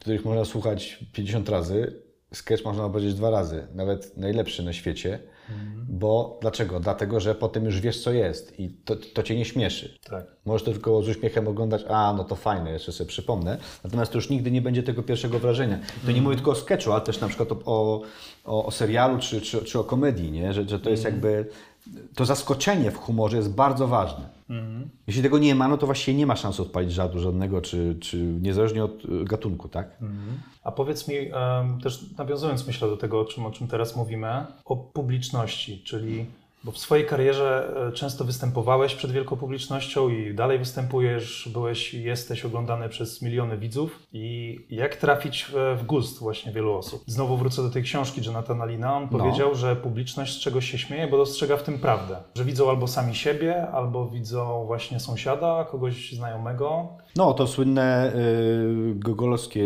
z czego się śmiejecie, sami z siebie się śmiejecie. Mhm. To jest zawsze obowiązująca rzecz, bo to jest tak, Faktycznie ludzie czasem widzą na scenie głupka albo kogoś śmiesznego, albo kto w ogóle nie, nie kuma, nie ogarnia i się śmieją, a nie przyjdzie im do głowy, że oni tacy są na przykład, nie? Mm. I to jest wspaniałe, że jakby można się śmiać, nie myśląc w ogóle o tym, to jesteś ty, a śmiejesz się dlatego, bo dokładnie tę sytuację znasz, a tak. znasz ją, bo ona ci się zdarza w życiu. Tak.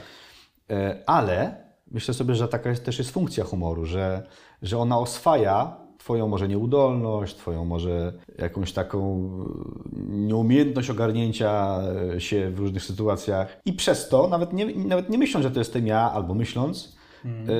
to jakby oswaja w ogóle świat e, humor w dobry sposób. A propos tej prawdy, to jest, to jest, to jest, to jest ciekawa rzecz, bo prawda to nie znaczy, że to jest, że to jest dokument, nie? Że, to jest, że to jest jakby prawdziwa rzecz, no, że... że, że, że Bardziej chodzi może jemu też o, o to, że to się z czymś można utożsamić, nie? Tak, to właśnie to, co ja mówiłem, że, że to, to, to, jest ta właśnie wiarygodność postaci. Mhm. To może być kompletny, nie wiem, bałwan, e, ale on jest wiarygodny w tym i on jest prawdziwy, mhm. że Chodzi, chodzi o to, że, że nie- niedobrze jak się, niedobrze w ogóle w aktorstwie, ale w kabarecie to jest, czy w takich w ogóle nie, w scenicznych, humorystycznych rzeczach, ale też filmowych oczywiście, no o ile myślę sobie, że to jest dużo bardziej, dużo trudniejszy, trudniej być wiarygodnym w komedii niż w dramatycznych yy, sztukach. Bo naprawdę ludzie, ludzie u, u, u, tak są wyczuleni na tą prawdę, że nie możesz udawać, że ty jesteś głupi. Musisz być głupi. Oni, Albo musisz być mądry. Tak. Ale Wiesz co, to jest też coś e, często powtarzane w ogóle zdanie. Jeżeli udajesz, że jesteś zabawny, albo udajesz, że jesteś taki, nawet trochę tego udawania, ludzie muszą uwierzyć, i to jest ta prawda, mimo tego, że oni takiego człowieka w ogóle nie ma na świecie. Nawet. To może być nawet kosmita. Ale on musi być prawdziwy w swojej postaci i ludzie w niego uwierzą. I to jest ta prawda.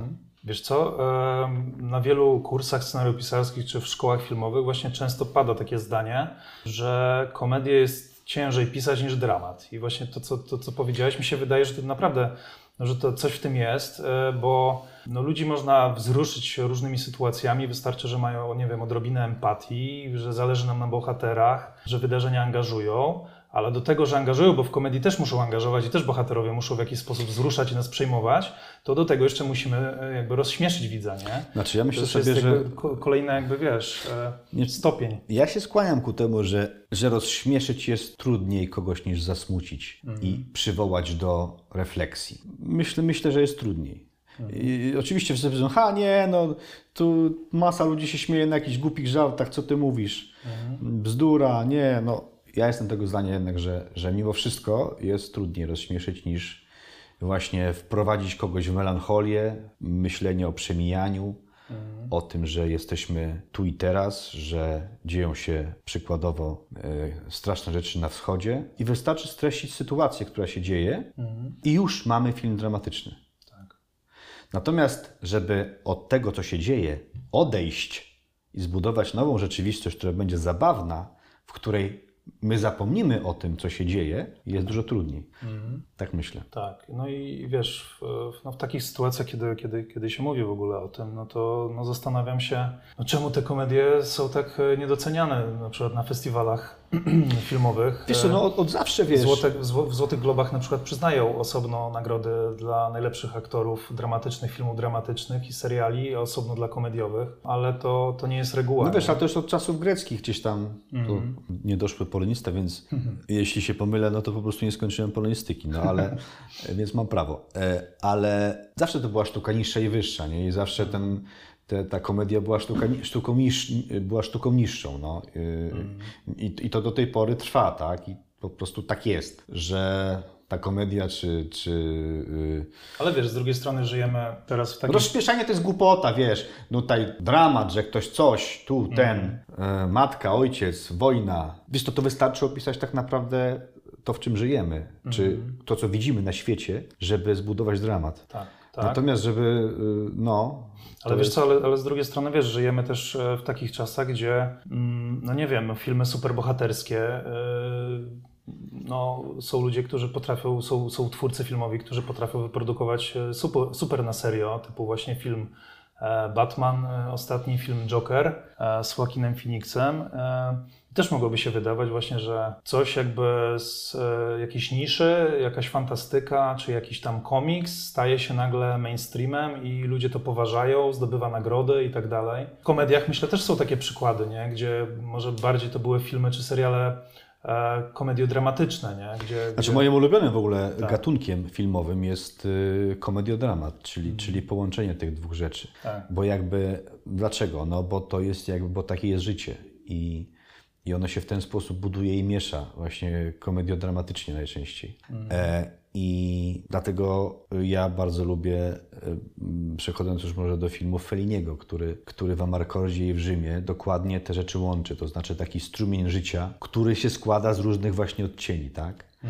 Jak sobie oglądam Kieślowskiego, zwłaszcza Trzy kolory, no to to jest wszystko y, smutno, ponure i, i to nie jest naprawdę, ja tam nie znajduję, znajduję tylko jedną część. Y, jedną część. Tam nie ma nawet momentu, że ja patrzę, że to jest prawdziwe życie, że to, to jest jakby część życia, która jest właśnie mądra, dramatyczna, przejmująca. Tak, bo wiadomo, że, że w filmie no, przyjmujemy jakąś konwencję i musimy, musimy jakby nią iść, ale mnie na przykład często, wiesz, y, trochę bawi, momentami irytuje, że w polskich, y, no nie tylko polskich, ale generalnie też często skandynawskich serialach, filmach kryminalnych, no to ci wszyscy policjanci to są tacy właśnie ponurzy, alkoholicy, nie mają w ogóle żadnej radości w życiu i tylko, wiesz, rozwiązują tę sprawę, bo to jest najważniejsze, nic innego się nie liczy, jest Tak. szaro, buro, pada Ale deszcz. to jest- Ale czekaj, tylko dokończę. A wiesz, a z drugiej strony, jak na przykład poznaję, poznawałem policjantów, którzy pracowali, nie wiem, w terrorze kryminalnym, w Wydziale Zabójstw, albo mam kumpla, który jest ratownikiem medycznym. Jak oni e, mi opowiadają swoje historie, oni mają takie poczucie humoru, często to jest czarny humor, No ale oni sobie w ten sposób w ogóle radzą z, tym, z tymi traumami, które przeżywają, z tymi widokami, które, których doświadczają, bo inaczej by zwariowali. No bo humor, często... humor właśnie oswaja świat. Tak. Znaczy, czyni go jakby możliwym do przyjęcia, zwłaszcza w Mhm. takich zawodach, o których mówisz. Tak. Mówiłem o mieszance e, komedii i dramatu. No, e, Mhm. Kolejny przykład, e, taki bardzo też, no, lot nad kukułczym gniazdem, nie? gdzie masz Mhm. tam wszystko, tam jest, tam jest jakby cały świat i, i jest komediowo, i jest zabawnie, i jest mądrze, i jest życiowo, i jest na koniec dramatycznie, i Mhm. poruszająco, i wzruszająco. Tak. Kiedy wódz, który nie mówi przez cały film, nagle mówi, chyba pierwsze słowa, które mówi, to są owocowa, jak mu Nicholson daje gumę do rzucia. I to jest po prostu taki strzał nagle, że ten gość po prostu. I to jest i zabawne, i, i, i po prostu wzruszające, mądre. Sam, ten sam koniec, kiedy wszystkim się wydaje, że, że, że Nicholson uciekł stamtąd, a jednak nie. I i to, to, jest jakby, to jest jakby dla mnie też, też dużo jest takich przykładów, ale też wzór takiego czegoś, co mnie porywa i zachwyca. Tak, i że nie trzeba stawiać tej jasnej granicy, Tak. to jest śmieszne, to jest poważne, Tak. tylko że po prostu życie bywa i poważne i śmieszne. I... Znaczy akurat w, w serialach kryminalnych, na przykład gdzie tam jest Most Sundem, tak, to, Mhm. to na przykład to jest taki szwedzki, klim, e, szwedzko-duński klimat takiego właśnie jednak czegoś ciemnego, ponurego, to akurat lubię. Ja bym nie chciał, żeby to przełamywać za bardzo humorem, ale to, jest, to jest jakby inna konwencja. Tak. Jeśli mówimy o takich filmach pełnowymiarowych, artystycznych, że tak powiem, to ja myślę sobie, że, że tam to jest bardzo ważna rzecz. Y, Żeby, żeby to nie było jednostronne. Y, Komedia też, no, z kolei jeżeli to jest komedia jako gatunek, to też nie jest dobrze, jeśli, jeśli będzie... Na każdym kroku jakiś gag i... Tak, y, No. to jest taki kapitalny serial, moim zdaniem, najlepszy komediowy, jaki widziałem, to jest Life's Too Short, Gervaisa i Merchanta, Steven Merchant, ten drugi jego chyba, y, oni tam grają zresztą. I tam właśnie jest taki słynny moment, jak przychodzi Liam Neeson, tam w każdym odcinku gra John, y, jakby inna gwiazda, Johnny Depp, y, Bonham Carter chyba. I właśnie przychodzi Liam Neeson, który chce robić komedię. I zac- zaczynają coś improwizować. A oni mówią mu, Ricky Gervais, ten Merchant, mówi, nie, stary, to nie, nie, nie, właśnie ja bym chciał robić komedię, to zaimprowizujmy coś. No dobra, no to, mm, no dobra, no to my jesteśmy lekarzami. No przychodzi, dzień dobry, jestem chory na AIDS. Proszę? Zaraziłem się od afrykańskiej prostytutki. Nie, no nie, no słuchaj, to, to nie jest komedia, no nie da się tak, wiesz. To, to zróbmy warzywniak. Przychodzi, dzień dobry, jestem chory na AIDS. Jakby, e, no, pewne, pewne tematy komedii nie dźwigną. Jakby to była w tej scence e, pokazane. E, I to też jest odrębny gatunek. Natomiast jak, jeżeli mówimy o tych filmach właśnie artystycznych, to tam powinno być, powinny być dwie strony. Moim zdaniem. E, według mojego gustu. Ja się, ja się mogę podpisać tylko, bo, bo no też, też, e, też zawsze lubię, jak to się jakoś łączy, ale e, no może poprzednio zabrzmiałem trochę, jakbym właśnie gloryfikował tę komedię jakoś za bardzo. Bardzo lubię, ale no są takie filmy e, czy seriale, No do do których to pasuje. że Nietykalni na przykład, tak? Którzy... e, Ale chodzi mi o to, że czasami tego patosu jest aż za dużo, że Tak, chciałby tak. się ten balonik przebić. Tak. E, szczególnie no, mi się wydaje, że w nieudanych produkcjach, bo w udanych to wiadomo, że się na to nie patrzy. No i to nie następuje, nie? Więc e, No jedynym, jedynym filmem, który nie powinien być przy, przybijany balonik, to jest 300, 300 of Spartans. Tam, bo tam ta, ta pompatyczność i podniosłość jest o, o, o, jest po prostu jakby... W... Oni nie musieli przybijać tego balonika, bo później w memach i Tak, w filmikach, e, dokładnie. żartach się, się to Dokładnie, ale to robiło. ja, ten film po prostu też uniósł jakby ta konwencja tego bohaterstwa hero do kwadratu, a nawet do sześcianu, Mhm. Tak. zrobionego w zajebiście gustowny sposób, pierwszy mówię, Tak. E, to było naprawdę fajne, nie? Dla- Dlatego jakby... mm, e, Ale co do większości takich właśnie tego, to ja myślę sobie, że kurde, no trzeba to łączyć. Wróćmy jeszcze na chwilę do tej publiczności, no bo to jest ciekawe, Tak. szczególnie dla ludzi, którzy nie występują, a, a myślę, że też osoby, które, nie, nie wiem, może nas słuchają i właśnie czy piszą komedię, czy, czy chcą zająć się pisaniem komedii, taki insight właśnie osoby takie jak ty na pewno, na pewno może być pomocny. Gdzieś przeczytałem takie zdanie, chyba nawet też w tej książce, yy, którą już przywoływałem, że podobno każdy, kto zajmuje się profesjonalnie komedią, skrycie boi się publiczności. E, czy u ciebie też tak jest, czy bywa? Boi to może za duże słowo, ale czuję respekt. Tak jak przed na przykład kiedyś gadałem z Otylią Jędrzejczak i ona mówi, że ona się boi kąpać w morzu. E, Jak, ty, jak to się boisz kąpać w morzu, jak ty spędzałaś 15-20 lat na basenie pływając i to jest jakby twoja, twoja, twoja druga jakby e, Żywioł. drugi żywioł, no przykład wiesz, e, więcej chyba wtedy byłaś w wodzie niż poza nią. Mówi tak, ale morza się boję, bo ja nie wiem, co się stanie, jak odpłynę, jakie są fale, jakie są prądy. Ja wiem, że ja umiem pływać, ale ja się boję, mam respekt. I ja mam tak samo z widownią. Nie chcę się oczywiście porównywać do mistrzyni olimpijskiej, ale mam tak samo z widownią, że, że umiem to niby pływać, powiedzmy, czyli na tej scenie, y, jakoś tam funkcjonować, ale ja mam respekt dokładnie tak jak przed tym morzem. To znaczy, y, mogą być takie prądy, że wyjdzie się z tej sceny, zejdzie się, zejdzie się z tej sceny pokonanym. To znaczy, to jest kwestia czasem szczegółów. Jeśli na przykład myślisz sobie, kurde, ale ja jestem dobry, ale teraz to ich rozbawię. Nie? No to jeśli, jeśli tak się dzieje, a czasem tak, tak, tak bywało, to zawsze było odwrotnie. To zawsze było tak, że dostałem, dostawałem właśnie zupełnie inny ten, że poczekaj, poczekaj, poczekaj. Także ja myślę sobie, że w ogóle taki respekt przed widownią jest bardzo mobilizujący. I nie można się przestać obawiać, to znaczy musisz być, ja, ja lubię być zmobilizowany że, przed, przed występem, żeby to było naprawdę, to jest właśnie ta adrenalina i ta emocja. To nie może wygasnąć, bośmy sobie, dobra tam, wszystko jedno, idę, co mnie oni obchodzą. Kończymy za pół godziny i tam za godzinę. Tyle. Nie, no y, ja myślę sobie, że to jest potrzebne, że, że, że zdajesz sobie sprawę, bo faktycznie z czasem, wiesz, kiedyś, nie wiem, 2000 ludzi, no to jakby chodziłem w Opolu, y, to było jakieś prowadzenie na żywo, 2005 rok, to tam jeszcze badam, y, chyba y, to był taki kabareton pierwszy chyba, który prowadziliśmy. Tam był Maciek Sztur chyba też. I pamiętam, że ja po prostu miałem biało przed oczami, znaczy ze strachu, ze stresu. To po prostu było coś niesamowitego. Ja, ja zacznijmy to, bo ja po prostu nie wiem, co ja mam tutaj. No i zaczęło się i tu już złapałem rytm i było ok.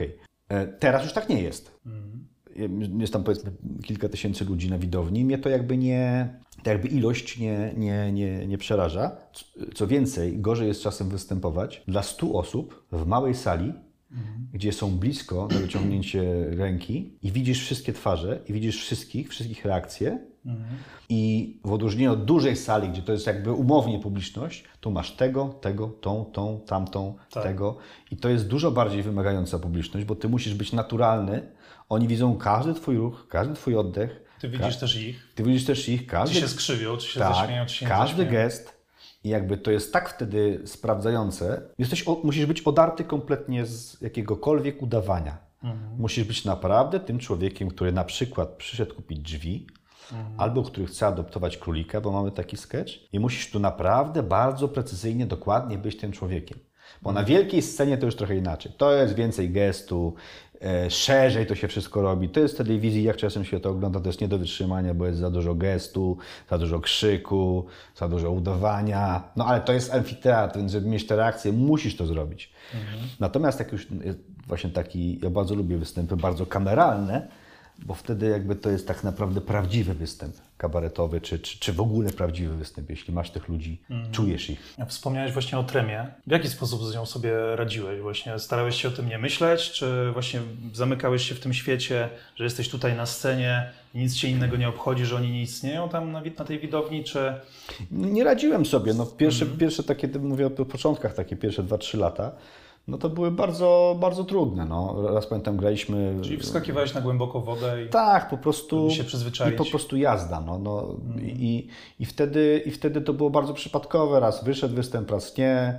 Jakśmy się przestraszyli, to on nie wyszedł. Jak poczuliśmy się luźno, to wyszedł. Jak publiczność była przychylna, to lepiej. Jak trudniejsza, to nie, nie dawaliśmy sobie rady. A już raz graliśmy, pamiętam, na, był taki kabaret STS w 60 latach i graliśmy na jego jubileuszu, bo pan Markuszewski, świętej pamięci już, zażyczył sobie młody kabaret, właśnie nas jakoś mu się spodobaliśmy i tam graliśmy, pamiętam, a tam na, a tam na widowni właśnie Kowalewski, Holoubek, Jan Englert, e, Adam Michnik, Nina Terentiew, szefowa drugiego programu telewizji. To było w gazecie wyborczej na Czerskiej w takiej piwniczce i myśmy grali skecze tego kabaretu. Jeden sketch i śpiewali piosenki. I pamiętam, że ja po prostu, ja nie pamiętam tego występu. To, to jest tak, jakbym był znokautowany. Ja po prostu w takim sensie wiem, że bokserzy jak są znokautowani, no to nie pamiętają, co się stało. I ja dokładnie nie pamiętałem, czy był ten występ, nie był, co myśmy grali, gdzie myśmy byli. Ja po prostu pamiętam tylko, że tam to się odbyło i pamiętam, że już jestem na ulicy gdzieś tam i pijemy sobie piwo. E, I generalnie ja nie pamiętam w ogóle, to był taki stres, że ja po prostu kompletnie tego nie byłem w stanie zanotować. E, Wiesz, więc wyobraź sobie, jak, jak to musiało wyglądać na scenie. To musiało być beznadziejne, ponieważ wiesz, no, byliśmy tak spięci strachem, że to wiesz. Oglądaliście później to jakoś? To nie było nagrane na A, nie szczęście. było. Nie było, no ale to musiało być masakryczne. Ja w ogóle nie wiem, czy ja się ruszałem tam. Może nie nawet. To, to była największa trema, jaką miałem i to Opole, o którym Ci mówiłem. To takie były to paraliżująca trema. To jest coś strasznego. To mi się dwa razy zdarzyło, potem już nie, ale... ale, ale... A zdarzają Ci się teraz nawet czasem po latach takie jakieś powiedzmy, wiesz, mikro, takie tremy, takie, bo wiem, że niektórzy aktorzy, e, Znaczy nie, wiesz w którzy kaba- występują na przykład w teatrze, to mówią, że oni zawsze mają lekką tremę, zawsze właśnie ten tak... Tak, lekka trema tak, ale, ale pamiętam, że jak, jak e, wchodziłem w zabawy impro, bo, bo brałem często udział w, z, z grupami improwizacyjnymi, no to tutaj przy pierwszych występach to stary byłem tak samo sparaliżowany. Dla, dlaczego? Dlatego, że ja byłem tam jako powiedzmy gwiazda, nie, że tam jakaś grupa i Mikołaj Cieślak. Nie wiem dlaczego, bo ci goście są kapitalni, wyćwiczeni i tak dalej. No ale ludzie chcą zobaczyć, że nagle wprowadzają na scenę kogoś takiego, że o, on to, on to może coś umie. A to się okazuje, że jakoś tam się obroniłem i było spoko. Ale wtedy miałem ogromną tremę, bo ja, ja, wiesz, ja nie miałem żadnych narzędzi.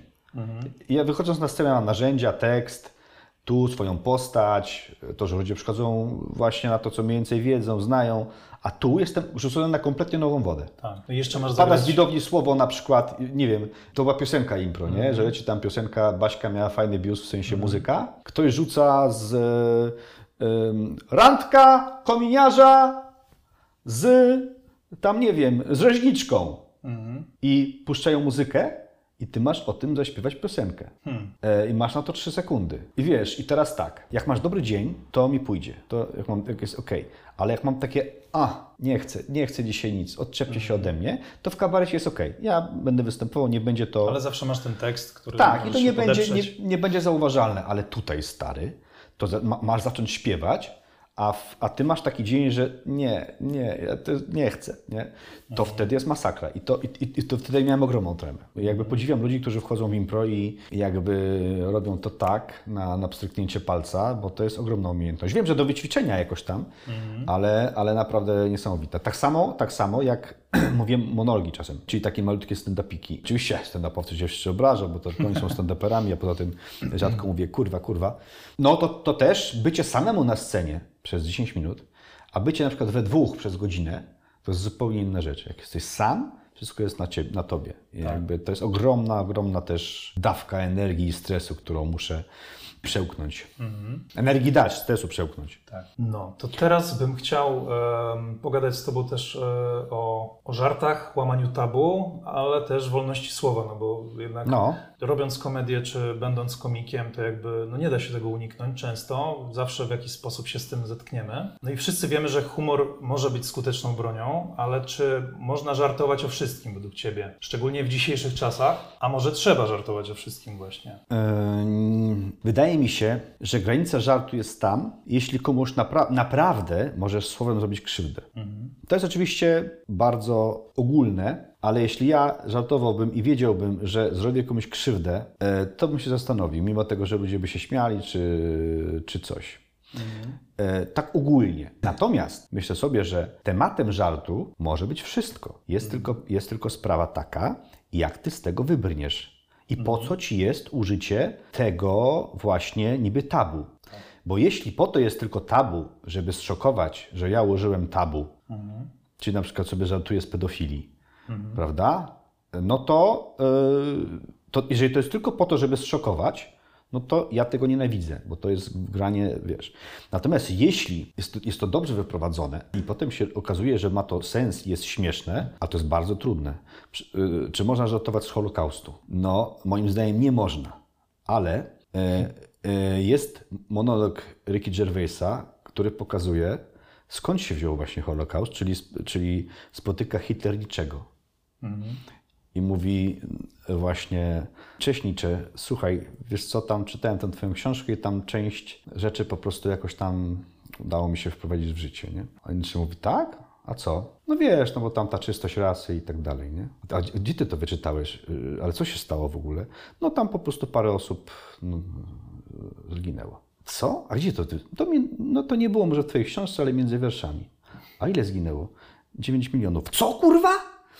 Jakby to pokazuje, ja to oczywiście nieudolnie, nieudolnie e, streszczam, ale to pokazuje, to, to nie jest jak- jakby to jest użycie tylko. Używa Holokaustu, żeby Tak. ośmieszyć Hitlera. Dokładnie, używa Holokaustu, żeby pokazać, Żeby ośmieszyć logikę nazistów. tak, logikę nazistów, żeby pokazać, jak czasem dzieło filozoficzne czy jakiekolwiek inne może być zinterpretowane przez dyktatora, psychopatę, jak to może się skończyć źle. Więc pytanie, czy wol- wolno żartować z Holokaustu? Ja powiem nie. Je, ale jeśli ma z tego wyniknąć taki wniosek, że bardzo trzeba być czujnym, jeśli chodzi o właśnie analizy mm, i manipulacje słowami, to wtedy tak, bo to jest tylko narzędzie do pokazania mądrej rzeczy, a nie obiekt żartu. To jest jakby dwie różne rzeczy. Tak. Więc jakby to tabu istnieje, ale jest bardzo ważna intencja. Intencja. Jeśli tylko jest to szokowanie, że ja z tego zażartowałem i, i koniec, no to to jest, to, to jest moim zdaniem niedopuszczalne. Ale jeśli bierzesz tabu, ale wyprowadzasz z tego coś, co jest mądre i śmieszne, to uważam, że tak. Tylko wiesz co, z drugiej strony, znaczy tutaj podałeś przykład Rickiego Gervaisa, który jest mistrzem po prostu e, Tak, to jest takiej mistrz, właśnie manipulacji, też tak. właśnie operowania tym, tym i tabu i bawienia się tym. Ale jak można właśnie, nie da się zmierzyć tego, czy dany powiedziany tekst, żart kogoś urazi, nie? No bo ty możesz sobie na przykład wyliczyć, Wiem że tym, raczej wiesz, że na przykład obrażasz jakiś ogół albo jakiś typ e, określony ludzi, ale zawsze ktoś się może obrazić, nie? I Tak, znaczy Dave Chap- bardzo lubię też Dave'a Chappella, Mhm. e, który też jest bardzo, bardzo mądry. On bardzo, się- bardzo ma też na z różnymi środowiskami, czy transgender, czy LGBT, ale on Mhm. to też pokazuje odnośnie też na przykład rasizmu wśród tych grup, Mhm. e, którą on odczuwa, tak, że na przykład jest, są, jest, są feministki, ale czarne nie mają nic do powiedzenia. Mhm. E, Czarne kobiety, jakby i w tym ruchu, który on tam przywołuje. Mhm. To są bardzo takie rzeczy trudne, ale też inteligentne i prawdziwe, znaczy takie bardzo e, też szokujące. tak. Ale on to potrafi zacząć, skończyć i jest śmieszne. A czasem wzruszające, jak opowiada o, o swojej pewnej przyjaciółce. Nie będę tego, tego No też streszczał. myślę, że, wiesz, że w dzisiejszych czasach łatwo jest kogoś rzucić w szufladkę. Tak. Lewak, prawak, Tak. e, homofob i tak dalej. Tak. I, i jeśli, jeśli ktoś potrafi z tego jakby wyjść, poruszając te trudne tematy, to jest mistrzostwo. Na, natomiast y, tak, można, to, to jest oczywiście trudne, bo nie da się, wiesz, jakby zbadać, sprawdzić, kogo ty obrazisz, a kogo nie. Ale ja myślę sobie, że istnieje coś takiego jak intencja twórcy i jego świadomość. To znaczy, ja myślę sobie, że jak twórca jest inteligentny, to on wie, co chce zrobić. I on na przykład, ta intencja twoja, że ty rozśmieszysz, ale możesz mieć tą intencję, że komuś dowalę.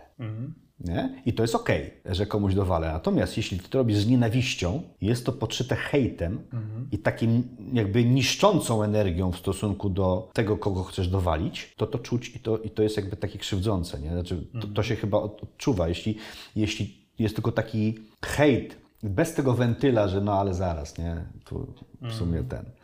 To wtedy, jakby, to są bardzo subtelne rzeczy. Ale wiesz, bo jest też coś takiego, że zawsze można zrzucić e, wszystko na karp powiedzenia, że to są przecież tylko żarty, nie? No, I to samo mógłby powiedzieć, e, wiesz, Chris Rock e, na gali Oscarów, kiedy dostał w twarz No. od, od Willa Smitha, że to są tylko żarty, ale trafił akurat na gościa, no, dla którego to nie było śmieszne, nie? dla którego to było zbyt osobiste. To jest mega cienka granica, nie? cienka, tak. Mhm.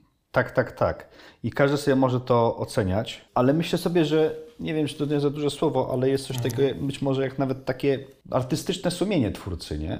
Że, że, on, że on powinien wiedzieć, gdzie jest ta granica, nie? No bo to, bo to no jak, jak we wszystkim, tak? Że, Że, że możesz kogoś y, skrzywdzić słowem mocno, No, Chris Rock mógł się domyślić, że to zaboli. Szczególnie, że to jest jakiś żart, chyba nawet w memach powtarzany wiele razy, taki bezmyślny, um, z tej choroby właśnie żony Willa Smitha. No właśnie, nie? I to, i to ja nie jestem w stanie tego ocenić. Nie wiem, czy, yy, czy danie komuś w mordę to jest dobre rozwiązanie. Pewnie nie. E, Znaczy na pewno nie. Nie, to są, to są trudne rzeczy, wiesz, to, są, to są naprawdę, te, tego, tego też nie sposób zdefiniować, jak, mm, ponieważ wszystko, co się dzieje w jakiejś twórczości, y, to jest, to jest bardzo trudny temat. Ja myślę sobie, że, że, że, że, ten barometr jakiś taki, y, trzeba mieć w sobie ten czujnik, no. I, jeśli, no i, i, tą wrażliwość jednak w sobie mieć jakąś, no bo A zdarzyła Ci się kiedyś taka sytuacja właśnie, że po czy jakimś występie dostałeś jakiś feedback właśnie, czy podszedł do Ciebie ktoś, czy napisał, że został urażony na? Słuchaj, no myśmy grali kiedyś y, w, w Londynie taki sketch o, na podstawie jakiejś tam powieści chyba Termanda, o pułkowniku Stukułce. Pułkownik Stukułka, to ja tam byłem, i pułkownik Stukułka w tym numerze, to, to jest z opowiadania też, pułkownik Stukułka zdobył sławę tym i największą w sumie brygadę ludzi, żołnierzy, że unikał walki, unikał przeciwnika. I generalnie cała jego działalność polegała na tym, że orientował się, gdzie trzeba spierdolić. I to było w czasie kampanii wrześniowej. I to było bardzo śmieszne i generalnie pomylił się tylko raz, że jednego żołnierza, który go denerwował, wysłał właśnie w jedną stronę, a jego oddział ruszył w drugą i się pomylił i ten oddział zginął i ocalał tylko leśniak. No i graliśmy w Londynie, a to był 2000 rok, gdzie jeszcze żyli ludzie, na przykład pani Andersowa siedziała na, na widowni i siedzieli też żołnierze z kampanii wrześniowej. I część tych weteranów, żołnierzy, starych już wtedy panów, pań, mówili super, super, bardzo dobrze, a część podeszło do nas trzech panów i mówi, słuchajcie, wy naprawdę, jako młodzi teraz ludzie, tak ocena, oceniacie nasze trudy w kampanii wrześniowej? I to jest właśnie taki przykład, że poczuliśmy się, kurwa, głupio. Ale uratowało nas to w takiej ocenianiu siebie, że myśmy nie mieli żadnej intencji w tym, że właśnie tak oceniamy, nie? Bo jakbyśmy powiedzieli, tak, tak was oceniamy, stare dziady. Unikaliście walki, a teraz jesteście w Londynie, tak? No to wtedy jest właśnie to, to jest dopełnienie tej, tej, jakby tego skrzywdzenia kogoś słowem. E, Natomiast być może, być, nie wiem, to, to właśnie trudne do oceny, tak? Bo, bo być może kogoś zaliniliśmy tym, tak? Być może było to głupie z naszej strony, ale to mimo wszystko, jak ktoś czeka, że przyjedzie zespół z Polski i to jego takie najważniejsze przeżycie pokoleniowe, czyli udział w kampanii wrześniowej, jest obśmiany i pokazany, że to byli debile, którzy unikali walki. Tak, tak nie było, ale mogli tak to odebrać. No to właśnie, nie? No i teraz miałem taki, taki to podaję przykład, że tak właśnie było. No i co? No nie wiem, nie wiem co. No. Może, może właśnie tutaj cały mój wywód o tym, żeby nikogo nie ranić słowem, poszedł się walić, nie? Ale nie, bo zachowujesz jakby tutaj wierność temu powiedzeniu, przekonaniu, że nie mieliście złych intencji, tak? Że To, i- jeśli, jeśli nie twoje... chcieliście personalnie nikogo urazić, e, to po prostu wam posłużyło. No właśnie też nie wiem, czy to jest wytłumaczenie. No być Mhm. może, no wiesz, bo, bo, bo, bo jednak tam nie było tego, tam nie było tego, że my tak naprawdę obśmiewamy ten, ten, ten, ten. Mhm. To jest jakaś tam historia. No konkretną osobę tam jakoś wymyśloną. To była Tak, wymyślona, wymyślona, oczywiście, tak, tak, tak, nie? Mhm. I jakby, yy, no a to też to jest, to, to- jest coś takiego, nie? Natomiast, natomiast jak mówię, no, dla nas to o tyle było dziwne, że myśmy nie mieli kompletnie tej intencji i faktycznie jakby przeanalizować ten sketch, to tego hejtu i tego takiego, jakby to powiedzieć, takiej żółci czy jadu tam Mhm. kompletnie nie ma, bo myślę sobie, że to się czuje. Tak. Przejdźmy teraz do ucha prezesa. A, to to, to E, kojarzę. Tematu, tematu, na który pewnie wiele osób czeka. Od siebie powiem, że e, no przyznam, że, że jak wchodziło e, ucho prezesa, najpierw z tego co pamiętam, chyba było najpierw na YouTubie, Tak. później na. Showmaxie. Ja pracowałem wtedy w gazecie PL jako e, tam dziennikarz newsowy w dziale kultury. No i pamiętam, że wtedy e, wszyscy w redakcji byli zachwyceni tym serialem, zajarani, że czekali po prostu na każdy odcinek.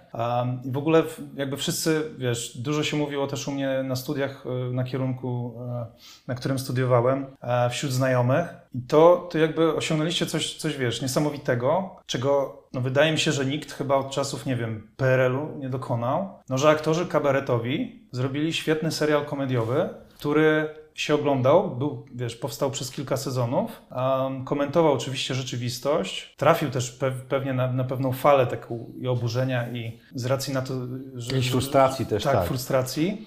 Ale jak wpadliście na ten pomysł? W sensie, wiesz, bo skąd, skąd wam to przyszło? Żeby akurat serial i żeby akurat satyryczno-polityczny to, że serial i to, że mhm. musimy wyjść z, z, produkcji kabaretowych, które są takie same i zawsze będą takie same, niezależnie co byśmy robili, żeby wyjść w stronę serialu zrobionego profesjonalną metodą i z życiem profesjonalnych aktorów, to był jakby moja taka idea, z którą się dzieliłem, a nawet namolnie się dzieliłem z Robertem, że trzeba coś takiego zrobić i w pewnym momencie dostałem od niego tam telefon czy SMS-a, robimy to. I to był jego pomysł, ucho prezesa i jakby cały content. Mhm. No więc ja zebrałem ekipę, to znaczy mm, reżysera, którego poznałem wcześniej właśnie robiąc reklamy, pisząc tam scenariusze i Tadek Śliwa to reżyserował. I tak nam się fajnie pracowało, że ja powiedziałem, że jeżeli to ma ktoś robić, to właśnie Tadek Śliwa. Mhm. Ale mieliście jakiś budżet, czy nie wiem, własne nie, pieniądze Nie, to, to, jest jakby, ta, to jest jakby y, nasz menadżer, czyli Wojtek Orszulak, e, management i Marcin Dec. No i my, czyli ja i Robert, byliśmy współproducentami tego, to znaczy oni wyłożyli Wojtek z Marcinem kasę, a myśmy, ja z Robertem, mieliśmy to po prostu grając imprezy biznesowe po różnych hotelach, hmm. spłacać to przez rok czy dwa lata. E, co ciekawe, Wojtek chodził z tymi czterema odcinkami nakręconymi do różnych mediów i oni albo byli zainteresowani, albo tak niby nie, trochę tak, ale w sumie okazało się, że nie. Mhm. Więc jak już to mieliśmy, to puściliśmy to po prostu w internecie, to było chyba styczeń 2017 i nagle się okazało, że pierwszy odcinek obejrzało tam 5 milionów 8 czy 10, drugi tyle samo i trzeci, czwarty i tyle i nagle odezwał się do nas Showmax, który wtedy wchodził do Polski i ten cały szum związany z tym bardzo im pasował marketingowo też, bo chcieli mieć taki właśnie swój hit przebój, z którym wejdą na polski rynek. I dokładnie tym było ucho prezesa. Mhm. Oni też zyskali na tym ogromnie, bo, bo jakby Showmax się od razu wtedy Showmax ucho prezesa, Showmax ucho prezesa mhm. i na nich y, tam były jakieś wyliczenia, że gdyby zainwestowali w reklamę, żeby mieć tyle kliknięć, odtworzeń i wspomnień Showmax, Mhm. Musieliby włożyć, nie wiem, 15 razy tyle czy 20, co, co kosztował ich serial. Tak. Więc jakby im też to się bardzo opłacało i w ogóle to było niesamowite, bo właściwie ja sobie myślę, że faktycznie to jakieś służby specjalne zadziałały, bo właściwie Showmax pojawił się w Polsce tylko dlatego, żeby sfinansować cztery sezony Ucha Prezesa i zniknął. Coś w tym jest. tak, Coś zobacz, tę cezurę czasową, że, skończy, że jakby weszli, Kupiłem nas dwa sezony, potem zamówili następne Ale dwa. powiem Ci, że wszyscy byli wtedy zaskoczeni i w ogóle było też coś takiego, że zdarzyło mi się być na premierze w ogóle filmu Patryka Wegi, tam tak. Flagi Breslau, który tak, zrobił właśnie tak, dla tak, Showmaxu. Tak, tak to chyba było w Złotych Tarasach i pamiętam, że właśnie wyszedł e, Patryk Wega, wyszedł tam chyba właśnie jeden z prezesów na Polskę Showmaxu. Tak. No i tak mówili, że super współpraca, że y, nam się rozwija, że będzie więcej produkcji polskiej do Showmaxa powstawało i tak dalej. Następnego dnia rano wstaję i w mediach czytam, że Showmax ucieka z Polski. A to tak było? Tak. A, okay. I, I wiesz, jakby ja a się... Wiesz, a wiesz dlaczego? Dlatego, no. że, że się skończył czwarty sezon HPZ-a. Już właściwie skończyli swoją y, główną aktywność. Nie no, żartuję, ale, ale, ale, ale no wiesz, no tak to wyglądało. Jeżeli, kto, jeżeli ktoś e, jakby miał teorię spiskową jakąś, że tutaj w, powstał, były takie osoby, że ucho prezesa powstało właśnie za pieniądze jakichś tam służb, żeby obalić rząd. Co ciekawe, była też grupa zwolenników, która odwrotnie, że to PiS zamówił ten serial. Mhm. E, ale to w ogóle było właśnie takie, taka polaryzacja, to moim zdaniem pokazuje, mm, jak bardzo to szeroko działało. Znaczy, to ucho prezesa, że to było jakby uniwersalne w pewnym sensie, tak? że to pokazywało mechanizmy władzy. I też jakby pamiętam, bo, bo myśmy odwoływali się do tego, co się dzieje w rzeczywistości, ale też kreowaliśmy pewną rzeczywistość, która się może dziać w kulisach władzy. I pamiętam, że kiedyś jechałem taksówką i tam był jakiś chyba odcinek o opozycji, która przychodzi do prezesa, czy nie wiem, czy jakiś taki i taksówkarz mówi, kurde, to ja już teraz wiem, jak to się robi, y, tą politykę. Tak to wygląda.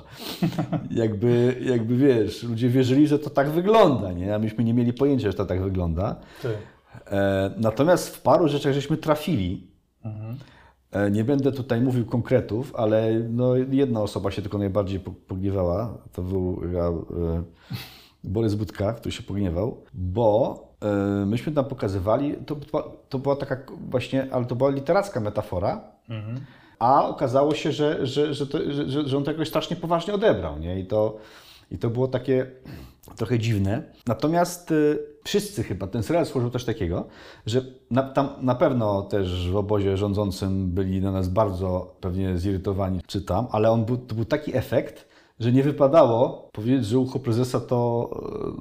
y, Tak. Bo, to nie wypadało po prostu. Nawet jak były tam szły naprawdę grube teksty, anty, A ja, ja pamiętam, że A nie wszyscy, wypadało, ponieważ- wszyscy czekali na to, aż Tak. PiS jakoś to skrytykuje i z tego co pamiętam chyba się nie doczekaliśmy Oni chyba taką podjęli decyzję, że może potem się żałowali jej, że generalnie nie robią nic z tym, potem już było coraz ciężej tam z, z tymi tekstami, które, znaczy coraz, coraz ostrzejsze. No ale właśnie dalej było to, że nie, nie, no nie wypada, bo się wyjdzie na, na, na, człowieka właśnie pozba- pozbawionego poczucia humoru i jakiegoś głąba, tak, dystansu i w ogóle. Tak, i w ogóle było niesamowite, jaka była chęć grania w tym serialu. Pamiętam, że... że, że... No Właśnie, bo ty się zajmowałeś też obsadą, mówiłeś. Tak, e, tak. I dostawałem też propozycje, znaczy propozycje, że słuchaj, jakby coś było, to ja chętnie, nie? I to naprawdę Mhm. od, od dużych, dużych nazwisk. Ale też powiem ci, że zajebiście dobieraliście tych aktorów nawet, y, wiesz, fizycznie po prostu, tak? Tak. Że, że, że, że wiesz, no kurczę, kto grał tego Macierewicza na przykład?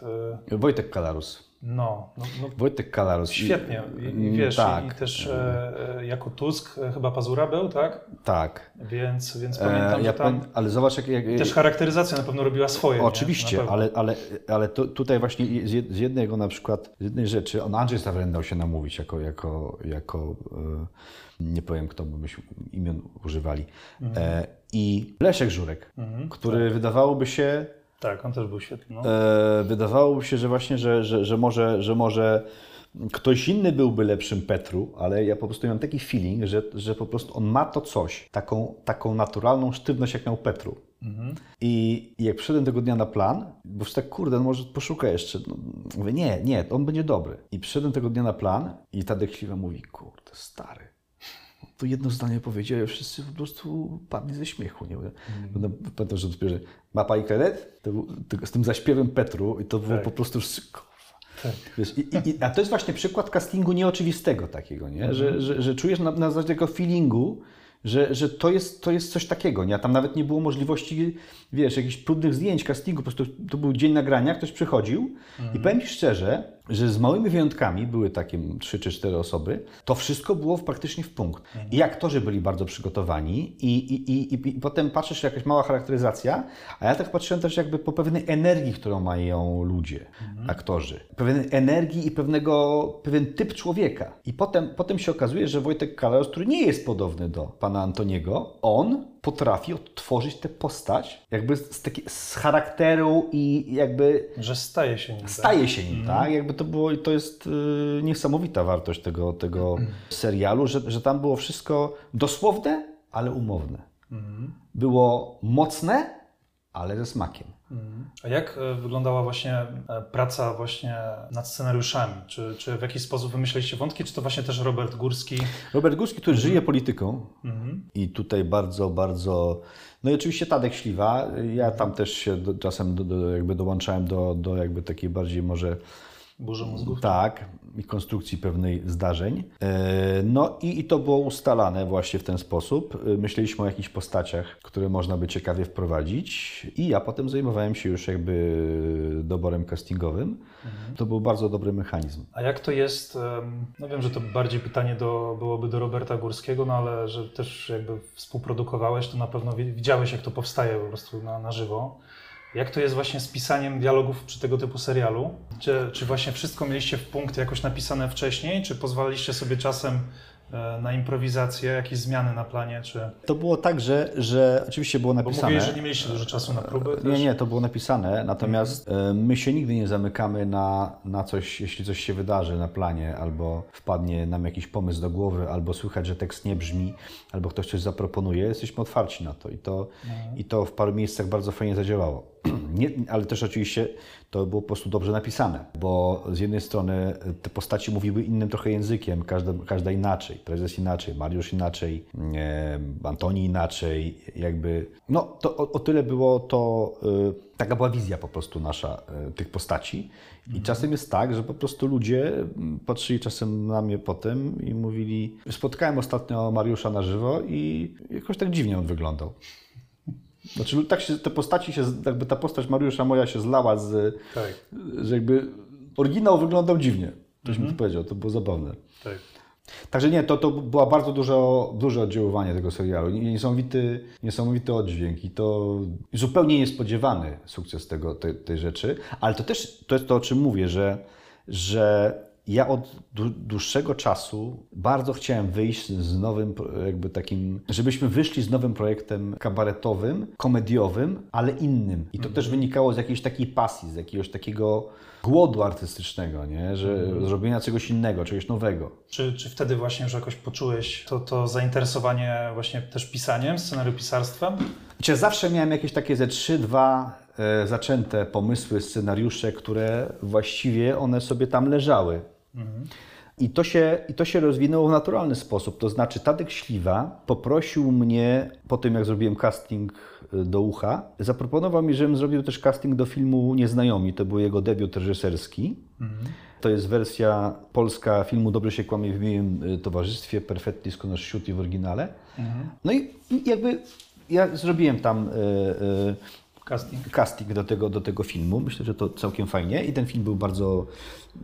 Ja nie, byłem czasami tylko na zdjęciach, ale potem efekt mnie zaskoczył bardzo pozytywnie. I przez Statka Śliwę poznałem producentów tego filmu i scenarzystów, czyli Kubę Kosmę i Kaśkę Sarnowską.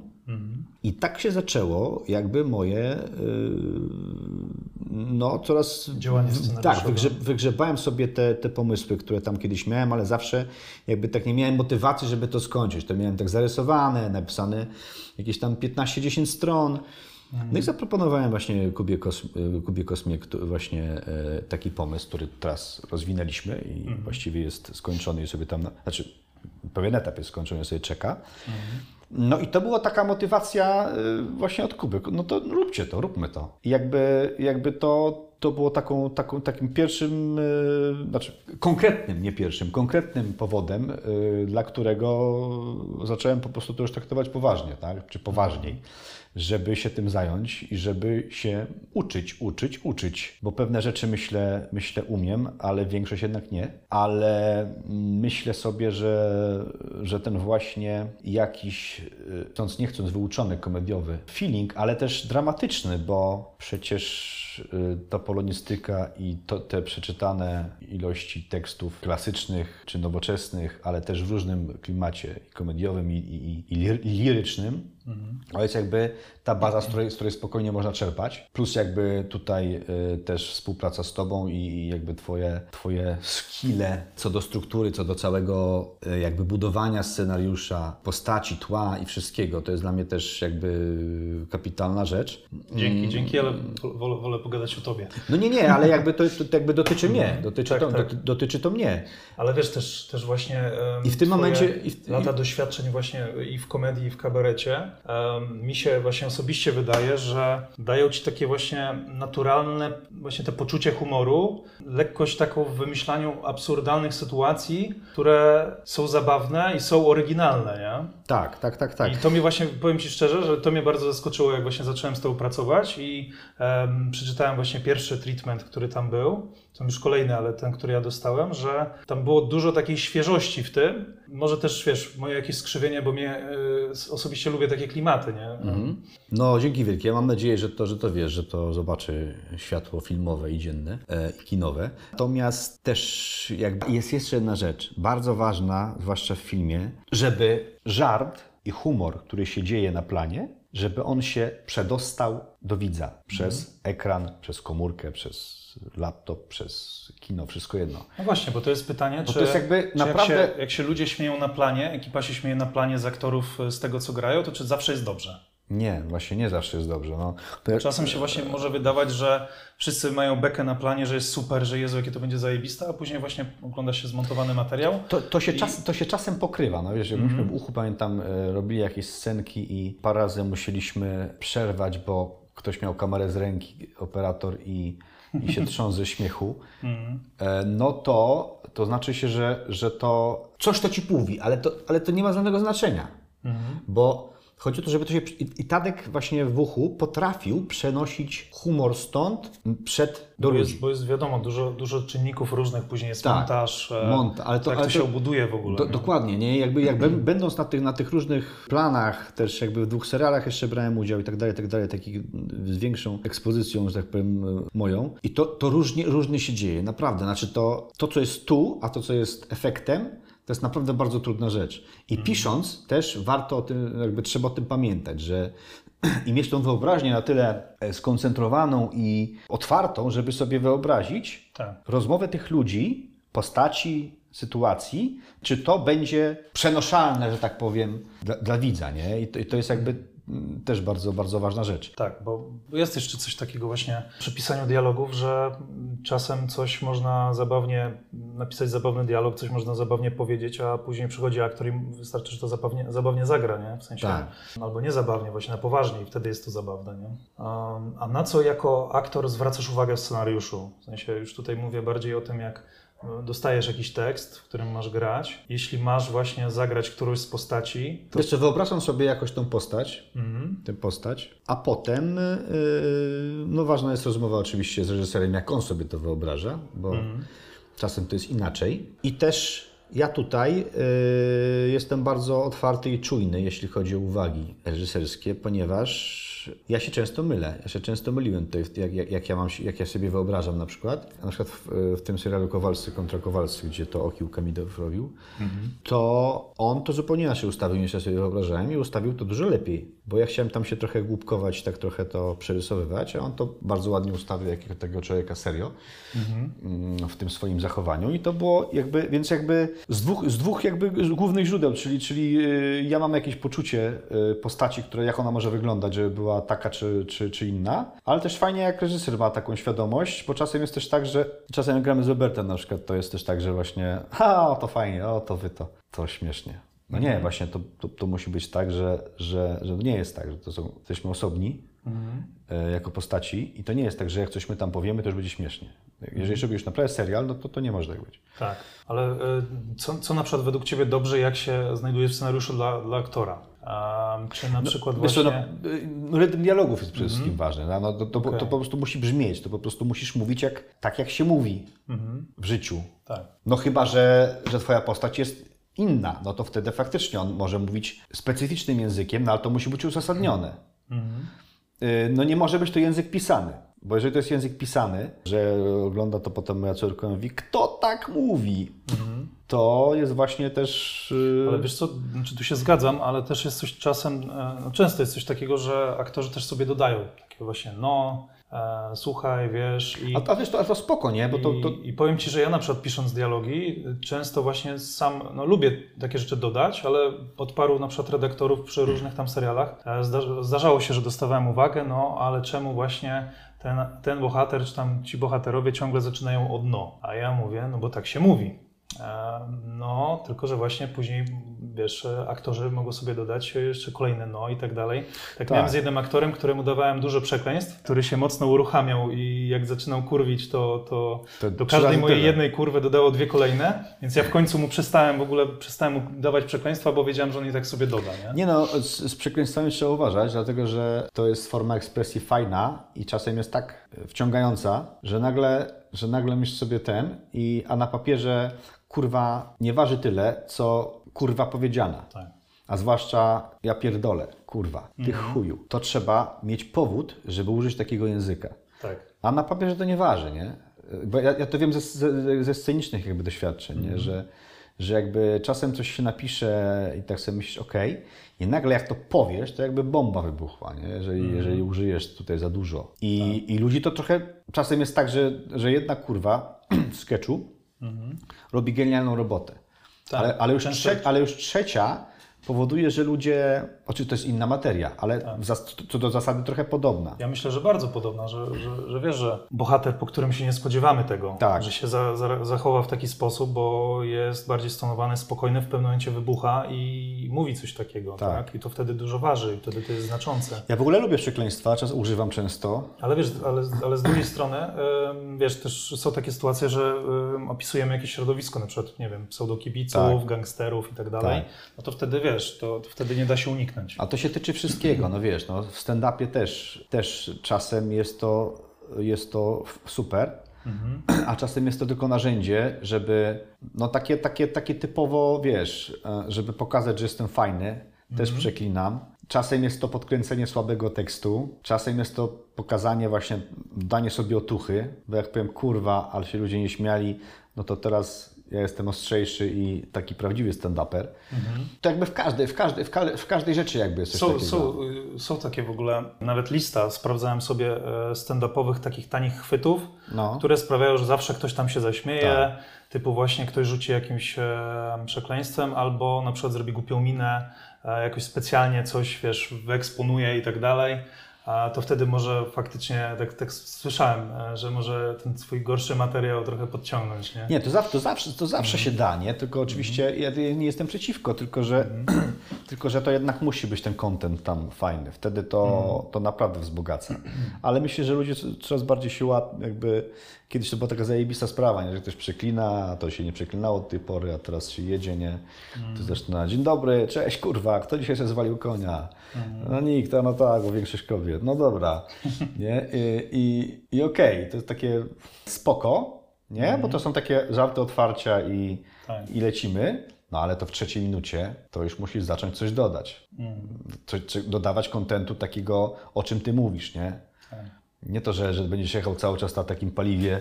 Tak samo jest w scenariuszu filmowym, nie? Że, że musisz mieć to story, musisz mieć historię, musisz mieć postaci. I te postaci faktycznie mogą sobie przeklinać, ale jak widzisz na przykład jak teaser, y, czy tam trailer, wszystko jedno, filmowy i masz na przykład coś i jest teksty typu o kurwa, albo ja pierdolę. Nie? I, I masz czasem złożony z, wiesz, y, nie tutaj, kurwa. Nie? I masz złożone tylko z y, 5-7 scenek, gdzie śmieszne mają być przekleństwa same, nie? Tak. E, I okej, tylko że jeśli to jest cały trailer, no to znaczy się, że ktoś powiedział, że ktoś jakby zadecydował o tym, że to są te najlepsze sceny w filmie, które mają zachęcić. No to mnie to nie zachęca, nie? No tak. Ale też są tacy, których, których to zachęca, no bo myślą sobie, kurde. No tylko później idą na film i cholera, wszystko już widziałem, nie? No tak, co, no co tak, najfajniejsze no tak, w tym no tak. filmie. A słuchaj, jak y, w ogóle już zmierzamy do końca, bo już y, widzę tutaj 18 wybiła, ale mam jeszcze kilka pytań, takich y, na Dawaj. domknięcie. Jak już zacząłeś o tym stand-upie, chwilkę pogadajmy, bo mam wrażenie, że dziś właśnie mocno dzieli się kabareciarzy i stan- stand-uperów. No chociaż e, wydaje mi się, że no byli wcześniej tacy komicy jak w Polsce, jak e, kabaretowi, jak Marcin Daniec. Dalej, dalej zresztą występuje, który odgrywał stand-up zanim to było modne i wtedy to się nazywał chyba kabaret jednego aktora. Słuchaj, no wiesz co, no, to, jest, to są trochę sztuczne podziały. Znaczy, Mhm. y, oczywiście on robił stand-up i to był stand-up, no bo jeżeli ktoś so- sobie... Inaczej się nazywał. Tak, sobie stoi dwie godziny i opowiada o sobie albo coś tam. Miał tam faktycznie postaciowanie przez jakieś tam Mhm. z więzienia, jakieś taki, nie pamiętam. Postaciowanie było takie, którego nie ma w stand-upie. Tak, no, Że- takiego dzieciaka też grał tak, dziecko. tak, tak. Ale, ale przez godzinę mówił sobą. O sobie, że tam o swoje historie. No przecież ta cała opowieść o tym, jak on e, ogląda walkę gołoty chyba, tam pół godziny. E, No to to jest typowy stand-up. No to, Tak. to, to, to, jest, to, jest, to jest typowy stand-up. Natomiast żaden, odświeżyłem sobie. no właśnie, natomiast żaden, żaden ze stand-uperów tego nie, nie uzna, no bo to jest Daniec, którego pozdrawiam. I, e, Też pozdrawiam. ale, ale, y, no ale właśnie, ja nie mam pretensji w ogóle do stand- stand-uperów. Ja uważam, Ale, ale właśnie, bo, bo oni mają zajebistą energię i moim zdaniem, bo słyszałem, sorry, że wejdę No. w, w słowo i zaraz, zaraz powiesz, że słyszałem, że jest jakaś niechęć pomiędzy kabareciarzami, czy artystami, twórcami kabaretów, a stand-uperami, I no, nawet widziałem kilka wywiadów e, właśnie z Piotrkiem Szumowskim, stand-uperem takim młodym, którego ja bardzo osobiście lubię. Ale on właśnie w tych wywiadach tak twierdził, że coś takiego wisi w powietrzu, że on sam nie umie tego określić. Możliwe, że gdzieś tam skonkretyzował, ale tam, gdzie ja widziałem, to tak, no, że jest jakaś niechęć. Nie? I właśnie Znaczy, jest niechęć taka, że stand-uperzy mają niechęć do kabaretów i myślę, że to... uważają, że to jest niższa sztuka komedii. Tak, niższa sztuka komedii i tak dalej, a jak, y, nie wiem, ktoś tam opowiada, że y, pił, nie wiem, dupą, rurką y, alkohol z pralki Frania, to jest wyższa sztuka, nie, w stand-upie. No to nie jest, kurwa, wyższa sztuka, no to jest jeszcze niższa. To, to, to jakby... Ja bym powiedział, że inna. O, oczywiście, że inna. To, to w ogóle nie ma co sobie na tej zasadzie udowadniać, że to jest niższa, wyższa. To w ogóle są dobrzy stand-uperzy i są źli. Są dobre kabarety i są złe. Są dobre skecze i są złe skecze. Są dobre punchliny i są punchliny kurwa, kurwa, gówno, dupa. Ale wiesz, szczególnie jak teraz stand-upy stały się tak popularne, że tych stand-uperów jest tak wielu, No więc to, właśnie. to mnoży się coraz więcej słabych Ja stand-upów. chciałem tylko powiedzieć, że nawet jeśli stand-uperzy mają e, właśnie jakiś tam tego, to ja to rozumiem, bo to jest nowa, nowa forma. Młodzi ludzie i oni wchodzą z buta e, w, tak powiem, w show biznes taki rozrywkowy, estradowy.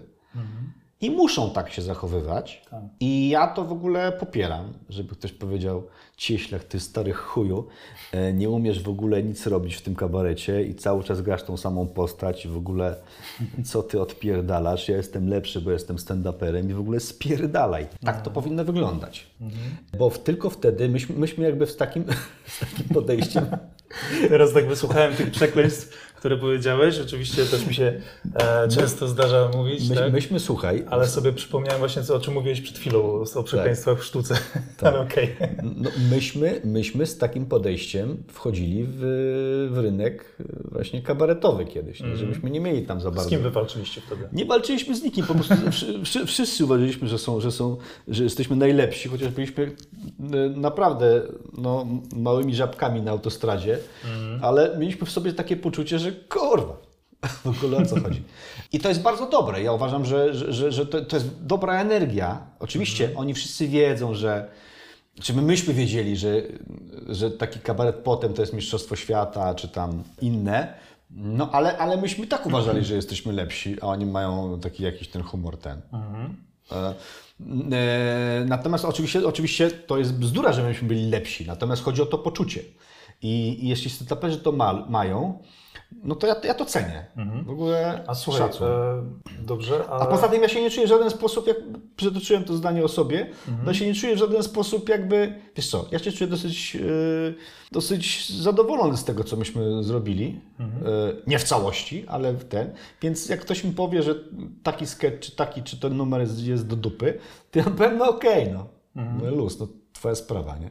Tak. Ja, mnie nie, nie, nie są w stanie w żaden sposób, wiesz, A, a powiedz mi, wejdę Ci znowu Dotknąć. słowo, słowo, co Ty na to, e, że jak wpisujesz teraz w Google'a najzabawniejsi polscy komicy, to wyskakują na, na początku stand-uperzy. Mnie to wczoraj zaskoczyło. Faktycznie tak jest. to są takie algorytmy. No, pewnie. no pewnie tak, bo, bo, bo jakby są Ale, bardziej ale, ale, słuchaj, spodziewane no, ale, odpowiedzi. ale, ale w ogóle wiesz, to kompletnie mnie to nie rusza. No. Ale czy nie masz poczucia, że kabarety się kończą? Czy może po prostu jest teraz taka Oczywiście, wiesz, że wybuch, wybuch tej mody na stand-up, później może to przeminie i może znowu kabarety I kabarety wybiją? się kończą, bo jest wybuch e, stand-upu, bo się kabarety kończą, więc to jest takie kółeczko. To E, jeszcze może wrócą. Ale ja, wiesz, No wiesz, widzimy to na przykład na, na YouTubie e, od lat, gdzie są, e, no wiele skeczy się przeniosło na YouTube, nie? I tam właśnie Tak, e, no młodzi no. ludzie w moim wieku, młodsi ode mnie, em, no występują i robią w sumie kabarety, tylko że to są bardziej scenki filmowe, komediowe, Słuchaj, filmowe, ale jak to ja, patrzę, że, skecze. jak ja patrzę, że wiesz, że, że y, jakiś tam y, program stand-upowy ma tam powiedzmy 10 milionów wyświetleń albo 15, nie? Mhm. Jak myśmy wrzucili drzwi, to miało 10, nie? Mhm. Potem to zdjęli, bo to była telewizja, potem znowu miało 5, nie? Mhm. Więc jakby ja, ja, ja jakby mam y, smak tego, tego sukcesu, że wrzucamy sketch i on ma 15 milionów wyświetleń. Jerzyk ma chyba 16 milionów wyświetleń, nie? Y, Więc jakby na mnie to nie robi wrażenia, że, że komuś tam się wyszykuje, że jest, wiesz, że, że, że jest ten najpopularniejszy komik. W ogóle ja... Czyli nie- nie martwisz się- nie my- martwisz się Co ty, my robimy swoje i, i jakby jest, jesteśmy jakby tym zajęci w dalszym ciągu. I ja się bardzo cieszę, że jest taka nowa, fajna siła. stand-upowa, a wszystkie konflikty na, na pewno nie ma z mojej strony. Znaczy, wiesz, kompletnie... A jeśli coś jest z ich strony, to też to, też to z czegoś wynika, nie? nie wiem z czego. Może faktycznie z tego, że uważają, że to jest syf, a może z tego, że potrzebują tego dowartościowania się, nie? Że, że teraz my i to, to wszystko jest spoko. Tak, no, no to już e, trochę kończąc ten temat. No ja osobiście, wiesz, jestem fanem i kabaretów, za wiadomo, dobrych kabaretów i jestem tak samo fanem stand-upów, też, ale dobrych Ja stand-upów. też, ja też. Ale jednak e, myślę, że to... e, Lubię Lotka na przykład, bardzo lubię e, Belarda, no, ale lubię też młodszych, których nie pamiętam, przepraszam, bo jest ich dużo. Mhm. No ja na przykład jestem właśnie fanem Piotrka Szumowskiego, którego przytoczyłem, ale, ale właśnie... Nie znam, muszę, musiałbym... A to ci mogę podesłać. To bardzo proszę. Bo ma fajne, fajne te numery swoje. Ale e, to, co chciałem wiesz, powiedzieć, że e, to według mnie jako przewagę mają właśnie komicy, aktorzy kabaretowi nad stand-uperami, no to to, że jednak no, oni nie są aktorami, oni się nie wcielają, oni są tak naprawdę sobą właśnie często. Opowiadają te nu- numery, dowcipy, żarty, mówią te historie, ale ciężko mi jest sobie wyobrazić e, stand-upera, który wystąpi w... No, w sensie jest Ricky Gervais i tak dalej, ale to są jakieś wyjątki. Czy wiesz co, ja myślę sobie, że... Niewielu chyba stand-uperów że- że- daje radę, wiesz, w komedii, w filmie, w serialu. To by trzeba było spróbować. Ja myślę sobie, że, że w ogóle stworzenie na scenie postaci swojej, Mhm. które to, to, to, to jestem ja, to jestem niby ja, Mhm. a to też nie jest on. To, to, to, to jest trochę on w dużej części, ale to też jest stworzenie postaci. Tak. Oczywiście on nie stworzy postaci trzech różnych, pięciu, ale to jest postać. Ludzie w tą postać muszą wierzyć, to musi być ta prawda, nie? I niektórzy to mają, a niektórzy nie. No i to też, jest, to też jest pewnego rodzaju postaciowanie. To, to, to wiesz, to trzeba też umieć zrobić. Dobrze, to już e, ostatnie, ostateczne pytanie. Kultowe chyba, no może nie kultowe, bo to dopiero piąty draft, piąty odcinek, ale, ale już e, słuchacze chyba wiedzą o co chodzi. Jaki film, serial albo książkę, którą ostatnio widziałeś czy czytałeś, e, chciałbyś polecić naszym słuchaczom? Książkę chciałbym polecić Policję Jonesbo, to jest O, e, Harry Hule, ponury kryminał? ponury kryminał i w ogóle Są tam uważam... żarty jakieś? Słabo, słabo z żartami jest. Ale, ale e, polecam, bo to jest w ogóle ta cała seria z Harrym Hule, pierwsze kilka książek, to jest gotowe są scenariusze filmowe. A propos scenariuszy. Powstał pierwszy śnieg, który był beznadziejny. E, nie wiem, kto to w ogóle zrobił, kto to, kto to napisał, bo wystarczyło książkę po prostu scena po scenie praktycznie zaadaptować. E, jeszcze, ja, ja, to, ja zwykle słucham tego w wykonaniu Mar- Bonaszewskiego, Mariusza, audiobooku. Polecam też, ja uwielbiam Sorrentino i tam jest e, Hand of God, czyli Il Mano di Dio, Ręka Boga. Najnowszy film jest na Netflixie. Bardzo lubię e, ten typ po Wielkie Piękno. To jest taki jego też film, e, który bardzo, bardzo lubię ten typ, taki felinioski obrazowania. I, I dla mnie to otwarcie filmu Wielkie Piękno, które brzmi tak, główny bohater w narracji mówi cipka, odpowiadali koledzy, a moja odpowiedź brzmiała zapachy starych domów. Pytanie brzmiało, co Cię w życiu interesuje? Jakby ja po takim otwarciu wchodzę w film po prostu e, zachwycony. To jest Jeszcze, jeszcze powiedziane po włosku. tak, bo, bo, bo, bo, bo to jest jakby, tu jest wszystko. Tu jest i żart, i wulgarności trochę, ale jednocześnie niesamowita poezja jest w tym. Wiem, że część się nie Ale zgodzi, to muszę cię odpada- spytać, to muszę cię spytać, czy Młodego Papieża lubisz ten Nie serial? widziałem tego, nie widziałem tego. Powinieneś. Wiem, razie. wiem, wiem, No. wiem, wiem. To wiesz, bo to, to już jest pierwszy chyba Wiem. duży, dużo serial Wiem, wiem. Sorrentino. E, słuchaj, doszliśmy do końca. No, udało się. E, dziękuję Ci za to, że, że, Dzięki serdeczne. e, że no, myślę, że wyszło fajnie, więc Nie mi to oceniać. Mam nadzieję, że Państwo się nie, nie, nie wyłączą po trzech minutach. tak. No dzisiaj było, no myślę, że dużo mniej o samym pisaniu scenariuszy i o scenariopisarstwie, ale poprzednie tam e, odcinki, drafty podcastu były głównie o tym, więc no czasem jakaś miła odmiana. A ja czasem myśl, myślę sobie, czego nam życzę, sobie, tobie trochę też, żebyśmy się odkuli za jakiś czas i opowiedzieli, jak powstały te fajne scenariusze, które zostały przeniesione właśnie przed chwilą na ekran. Tak. Dzięki Dobrze, serdecznie. dzięki. Kolejny draft już za dwa tygodnie, w środę o godzinie 21. Gorąco zachęcam Was do śledzenia naszego Facebooka i Instagrama, gdzie wrzucam wszystkie aktualności, ale nie tylko. Chcę też, żeby nasze social media służyły jako swego rodzaju motywator dla scenarzystów i innych twórców. Dlatego gorąco zachęcam Was do odwiedzania nas, gdy na przykład macie gorszy dzień i chcecie się zmobilizować do kreatywnej pracy. Koniecznie dawajcie też znać w komentarzach, jak Wam się podobała rozmowa. Zapraszam Was również do subskrybowania naszego kanału na YouTubie, na którym wrzucamy fragmenty naszych rozmów. Całość oczywiście do usłyszenia na portalach streamingowych. Patronami medialnymi podcastu są Gildia Scenarzystów Polskich i Biblioteka Scenariuszy Filmowych.